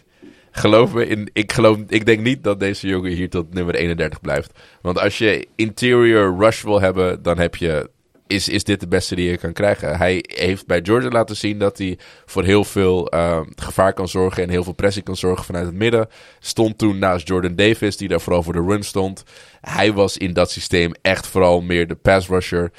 Ik denk dat hij allebei een beetje kan. Hij heeft het atletisch vermogen om in ieder geval die positie goed in te kunnen vullen, ook als runstopper. Ehm, dus ik denk dat de Bengals hier zeker met pick nummer 31 gewoon ongelooflijk blij mee kunnen zijn. Dat je nog net dat extra wapen, of nog net die extra wapen, eh, die ook vanuit de interior, ook vanuit het midden, eh, de quarterback onder druk kan zetten. Oké. We hebben er nog één over. En dat zijn de Detroit Lions, die op eh, 32 eh, nogmaals... eh, Motown, this is third down. De Detroit Lions, die eh, die pick natuurlijk hebben gekregen van de Los Angeles Rams. Eh, een beetje ondankbaar, die 32ste. Nou ja, ik, Als ik denk, een eerste ronde pick als je tegen de Lions had gezegd drie jaar geleden van... joh, luister, 2022 pikken jullie met de 32e pick Ja, in de draft. Dan had ze... dat is ook wel waar. Eh, ik had in principe had ik een wide receiver voor ze staan. Ik had Dodson daar, daar graag gezien. Eh, dat is natuurlijk wel een van hun, eh, een van hun needs. Ik ehm, ga, omdat het kan, ga ik met Corral, eh, de quarterback, Oh, daar, yes. yes. daar neerzetten van Ole Miss. Ehm, finalizing. Oh, opeens gaat mijn laptop gaat allemaal Ja. dingen doen. Finalizing your draft, one moment. Ja, want de toekomst moet gewaarborgd worden in Detroit, Edu. Ja, nee, eens. En, en 32 is de ideale eh, plek om alsnog voor een quarterback te gaan. Lamar, hè? Precies, en over het algemeen zijn het teams die dan terugkomen traden naar de eerste ronde toe om die quarterback te kunnen, tra- eh, kunnen pakken. Maar nu heeft Detroit die pick eigenlijk al. Ja, maar volgens mij zitten ze een 34ste pick, hebben ze volgens mij ook weer. Heerlijk toch? Je Ja. kan gewoon rustig aan achterover hangen, kijken wat iedereen doet, kijken welke quarterbacks er rond die tijd nog op het bord staan. Ja. En als Matt Corral er nog staat en als je daarop moet gokken, dan kan het echt slechter. Want in mijn ogen heeft hij de tools, de beste tools misschien wel voor de quarterback in deze draft. Super snelle release, dat is echt zijn wapen. Aaron Rodgers-achtige release, die bal is uit zijn handen voordat je met je ogen kan knipperen. En ook gewoon nog een hele goede arm daarnaast. Niet heel consistent. Een beetje vragen bij het systeem waarin hij speelt. Omdat alles een beetje voorgekoud wordt eh, in dat Miss systeem. Maar ja, ik denk dat Corral misschien wel, als alles eh set en dan is, de beste quarterback in deze draftclass was. Ja. Denk ik Ik, ik moet alleen. ik, nee, ik ben blij dat je het gedaan hebt. Want nu kon Edu in ieder geval nog even met Corel de, de hemel in prijzen. Ik denk alleen met. eh, volgens mij heb, heb inderdaad de Lions pick 34 en zit de, zitten de Jaguars ertussenin. Dus barring any trades, denk ik. Dat eh, de Lions hier niet voor Corel waren gegaan, maar dat ze, met, Maar- dat ze, dat ze in 34 dat hadden gedaan. niet, want dan heb je niet je one year extra option. Want nu, omdat hij een Ja, eerste ronde de pick fi- je is, hebt een 50 option, ja. dan kan je, hem, kan je heel goedkoop je quarterback nog een extra jaartje eraan plakken. Dus Ja. geloof me dat als Detroit voor een quarterback gaat, dat het in de eerste ronde gaat zijn. Want anders moeten ze gewoon al veel sneller hem heel dik gaan betalen om op dat roster te blijven. Ja. Dus daarom is 32 ook echt zo'n prime spot van de slechtste plek in de eerste ronde. Maar Ja. toch nog die extra eh, optie erbij kunnen Het plakken. enige waar ik me een beetje zorgen over maak is of die emotioneel al klaar is voor de NFL. Hij heeft wat opstootjes gehad op high school. Eh, en, op, eh, ehm, en op college ook. Een eh, gigantische scuffle was het tijdens de Egg Bowl van eh, 2018. Waar hij het middelpunt van was. En dat wordt in, in de draft reports, in de scouting reports, wordt het altijd vet gedrukt. Ja. Ben je ook een leader on the field en off the field. Ja, ik ben toch even in zijn, in zijn leven gedoken. We zitten toch aan het eind van de uitzending, dus we pakken hem gewoon nog even mee. Matthew Corral. Corral? Corral. Corral. Corral. De jongste van, eh, van eh, drie jongens die opgroeiden in Ventura, California. Speelt aanvankelijk als tight end. En op Oaks Christian School werd hij de eerste freshman starting quarterback in de historie van de school. Eh, toen hij daar tweedejaars was, waren zijn twee belangrijkste receivers, die zaten bij hem in het team, Michael Pittman, nu bij de Colts, en eh, tight end Colby Parkinson, nu bij de Seattle Seahawks. Wel leuk dat die ook allebei eh, zijn doorgebroken in de NFL. Over eh, drie seizoenen was hij goed voor 91 touchdowns. dat is nogal wat. High school. En eh, voor zijn seniorjaar koos hij opeens voor om te verkassen. Boze tongen beweren dat dit het gevolg was, hebben we het weer van een ruzie met de zoon van de Canadese ijshockeylegende Wayne Gretzky. Tijdens een basketbalwedstrijd. Corral verklaarde echter dat het te maken had met het feit dat ook zijn privé, privéschool is en geld een te grote rol speelde. Als je maar genoeg geld hebt, dan bepaal je. En daar ben ik helemaal klaar mee. En daarom is hij weggegaan bij die school. Oké. Vind ik eigenlijk ook wel weer mooi. Hij speelde nog een jaar voor eh, Long Beach Poly High, waar eh, Antonio Pierce de headcoach was. Pierce nu de linebackerscoach van de Las Vegas Raiders. Corral zette een 9-3 record neer, gooide 29 touchdowns. Eh, ontving veel aanbiedingen, vooral van de eh, colleges die er vlakbij lagen. Hè, UCLA, US, eh, USC. Maar hij koos voor Florida. Alleen toen Jim McElwain daar ontslagen werd en Dallin Mullen kwam, ging het, gelijk mis. En zo belandde hij bij Ole Miss en werd, hij dus een rebel. Ehm, ja, wat je zei, atletisch vermogen, scherp reactievermogen, snelle release. eh, daardoor ook eh, eh, snel richting zijn tweede read. Ja, een eh, hele fijne quarterback hè? Ik- vind van wel. En ik, ik ben ook wel een beetje biased, want Ole is een van mijn favoriete offenses die eh, in college voetbal gelopen wordt. En De Giants hebben, lijken daar een beetje op. Dus ik kijk ook wel redelijk veel mis. Maar ik ben een enorme fan van, eh, van Corral. En ik moet eerlijk zeggen dat als ik kijk naar de andere QB's in deze draft... dat hij zeker niet onderdoet voor iemand als Kenny Pickett. Goed, het zit erop, heren. Ja. In eh, toch eh 2,5 uur is het ons Knap, gelukt om eh, alle 32 teams de revue, of alle 32 picks de revue te laten Dat is, passeren. dat is sneller dan de echte draft, hè? Eh, heel kort, Pieter. Eh, wie gaan de Chicago Bears als eerste kiezen? Ik denk eh, eerlijk gezegd dat dat een, een wide receiver wordt. Ik heb geen idee wie, weet je, die, die klas is heel diep. Maar ik denk wel dat dat de niet is die ze, die ze in willen vullen. Maar ik wilde eigenlijk nog iets anders vertellen voordat we deze beschouwing gingen doen. Want jij haalde net heel even Wayne Gretzky aan. Ja. Weet jij dat eh, Wayne Gretzky en zijn broer samen het record hebben voor de meeste goals ooit gescoord in de NHL door twee broers? Ja, dat, ver- dat verbaast me op zich niet. En Brent Gretzky heeft vier keer gescoord. Ja.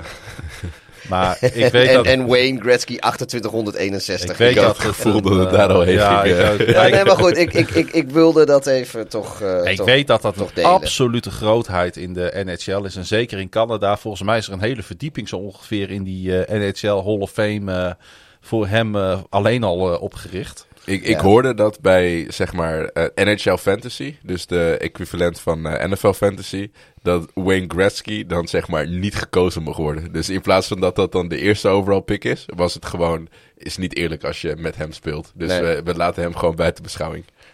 Ja, het is echt, die, ja die, als we denken dat Tom Brady statistieken in de NFL aan het breken is, dan, dan moet je eens voor de grap eens gaan kijken wat Gretzky in de NHL aan statistieken gebroken heeft. Dat is echt bizar. Ik heb, eh, ik heb er wel zin in, weer. Nu in de draft. Ook omdat Oh, we nu dus- de NFL. We, zijn weer terug naar de NFL. We Ja. zijn tenslotte een NFL-podcast. Omdat eh, ik merk toch, nu we de. Ja, we hebben, het is gewoon weer een veel te lange podcast geworden. Maar ja, weet je, je zit nu toch naar die eerste ronde te kijken met de input die wij nu ook onszelf nu aangeleerd Mhm. hebben. Die we de luisteraars ook gegeven hebben. Ja, het is gewoon een hele leuke avond ook om gewoon voor de televisie te zitten. Volgens mij ben ik vrij ook. Absoluut. Het draft, draft night. Spektakel. Zeker als Waar je is het ook alweer, jongens? Zeker. Las Vegas, toch? Oh, waar? Ja. Volgens, In- volgens mij wel. Ja. Volgens mij wel in Las Vegas. Ik weet het gewoon. Ik zit gewoon wat te gokken. ja, volgens mij is het in Las Vegas. Ja joh, dat is een nieuw team is daar sinds vorig seizoen. Volgens mij zijn ze er heel blij mee. Volgens met mij is het trouwens ging. over twee jaar of zo. eh, de, de, de 2025 draft of zoiets. Of de 2024 draft. Die is volgens mij in Detroit. Ze hebben Detroit inderdaad eh, daarvoor. eh, Ja, weet je, dan, dan, dan, dan moet ik wel eerlijk zeggen. Als, als Detroit ook al de draft krijgt. Dan, dan is het daarna ook niet meer bijzonder om het te hebben. Want volgens mij een van de eerste keren dat hij buiten. eh, want hij was natuurlijk altijd in New York. Ja. Toen hebben ze een keer in Philadelphia gehouden. Dat was natuurlijk één groot feest. Nashville. Nashville was echt helemaal bizar. Eh, tenminste, als je, ik was er niet bij. de kelder van Roger Maar, Goodell was ook gezellig. Maar daar heb je natuurlijk ook... nou, ze hebben hem volgens mij... Dat is inderdaad in Las Vegas. Eh, ja. Chicago is volgens mij ook geweest toen de Bears 100 Ja, jaar ja. bestonden. Ja. En vorig jaar... Ja, dat was natuurlijk... Ja, toen hebben we wat... wat oh, Cleveland was vorig jaar. En het jaar daarvoor Ja. was het zo'n zo'n zo'n draft via Zoom in de kelder. dat was in de kelder van Goodell, ja, ja. dat was de kelder van Goodell. en, de, en de hond van, eh, van Bill Belichick, volgens mij, was daar toen ook bij. En de mansion van eh, Cliff Kingsbury. eh, Cliff Kingsbury. Maar eh, ja, weet je wat ik zeg van Philadelphia? Ja, Cleveland heeft het dus ook al gehad. Maar van Philadelphia, Chicago, eh, Nashville, eh, Las Vegas nu. De- Detroit. We gaan er naar kijken. In, Eh, waarschijnlijk in een parkeergarage. ga- gaan we het ook nog nabeschouwen met jou, Edu? dat ligt, Eh, uh, vorig- ligt eruit vorig of jaar jullie mij gedaan. uitnodigen. eh, of Ja, nee, niet. natuurlijk. Bij Ik deze. weet niet of jij ja zegt. Nee, bij deze een ja. Dus, Zullen we gewoon proberen een momentje te vinden om ergens in de dagen na de draft, als het hele weekend geweest is, eh, ja, gaan, we, gaan we niet nog een keer 2,5 uur. eh, Nee, dan hier kan, je, zitten. dan, dan kan je wel tien uur zou je daarmee maar kunnen het is vullen. wel Maar- leuk. Het is natuurlijk wel leuk om dan te kijken of er iets, ja, Jij wel, hè? Ja, godverdomme, jongen. Of er iets is uitgekomen natuurlijk van de onzin die wij eh, tentoon hebben gespreid. Ja, ja, nee, dat lijkt me hartstikke mooi om te zien of de teams hebben gekozen zoals wij gekozen hebben. Maar het gaat natuurlijk helemaal mooi worden om eh, terug te schouwen over een aantal jaar. En eh, dan komen de echte missers naar boven. Ja, precies. Hey, waardeer je nou wat wij voor jullie produceren? Steun ons dan op onze Petje per Dag pagina via nflopwoensdag.nl. Voor een paar eurotjes per maand maak je ons heel erg blij. Je kunt ons volgen op, op Twitter. Pieter via Ed Darth, laagstreepje Hideous. mij via het Klaasje Gun, dubbel A, dubbel S, dubbel N en Edu op Instagram. Yes. eh, EBJ laagstreepje 13. Ja. NFL Netherlands. Ja, doen jullie nog wat met NFL Ja, Netherlands? te Eh, weinig, te weinig, te weinig. Ja, jammer, weinig, hè? te weinig. Maar goed, Ja. ook, er scheelt weer concurrentie voor ons. Want eh, wij, Dat, eh, wij timmeren lekker aan de weg met ons imperium. Ja, lekker boys. Lekker boys. Wij zijn ook bezig, maar misschien dat er, dat er wat komt alleen. Ik weet niet in de NFL zien, misschien meer ILF, Nederlands voetbal, Europees Ja, voetbal. is ook interessant. Hey, eh, ik wil iedereen bedanken voor het luisteren naar NFL op woensdag seizoen 3. Aflevering 3, de draft preview. Heel veel plezier met het kijken daarna en tot na de draft. Beste maar weer.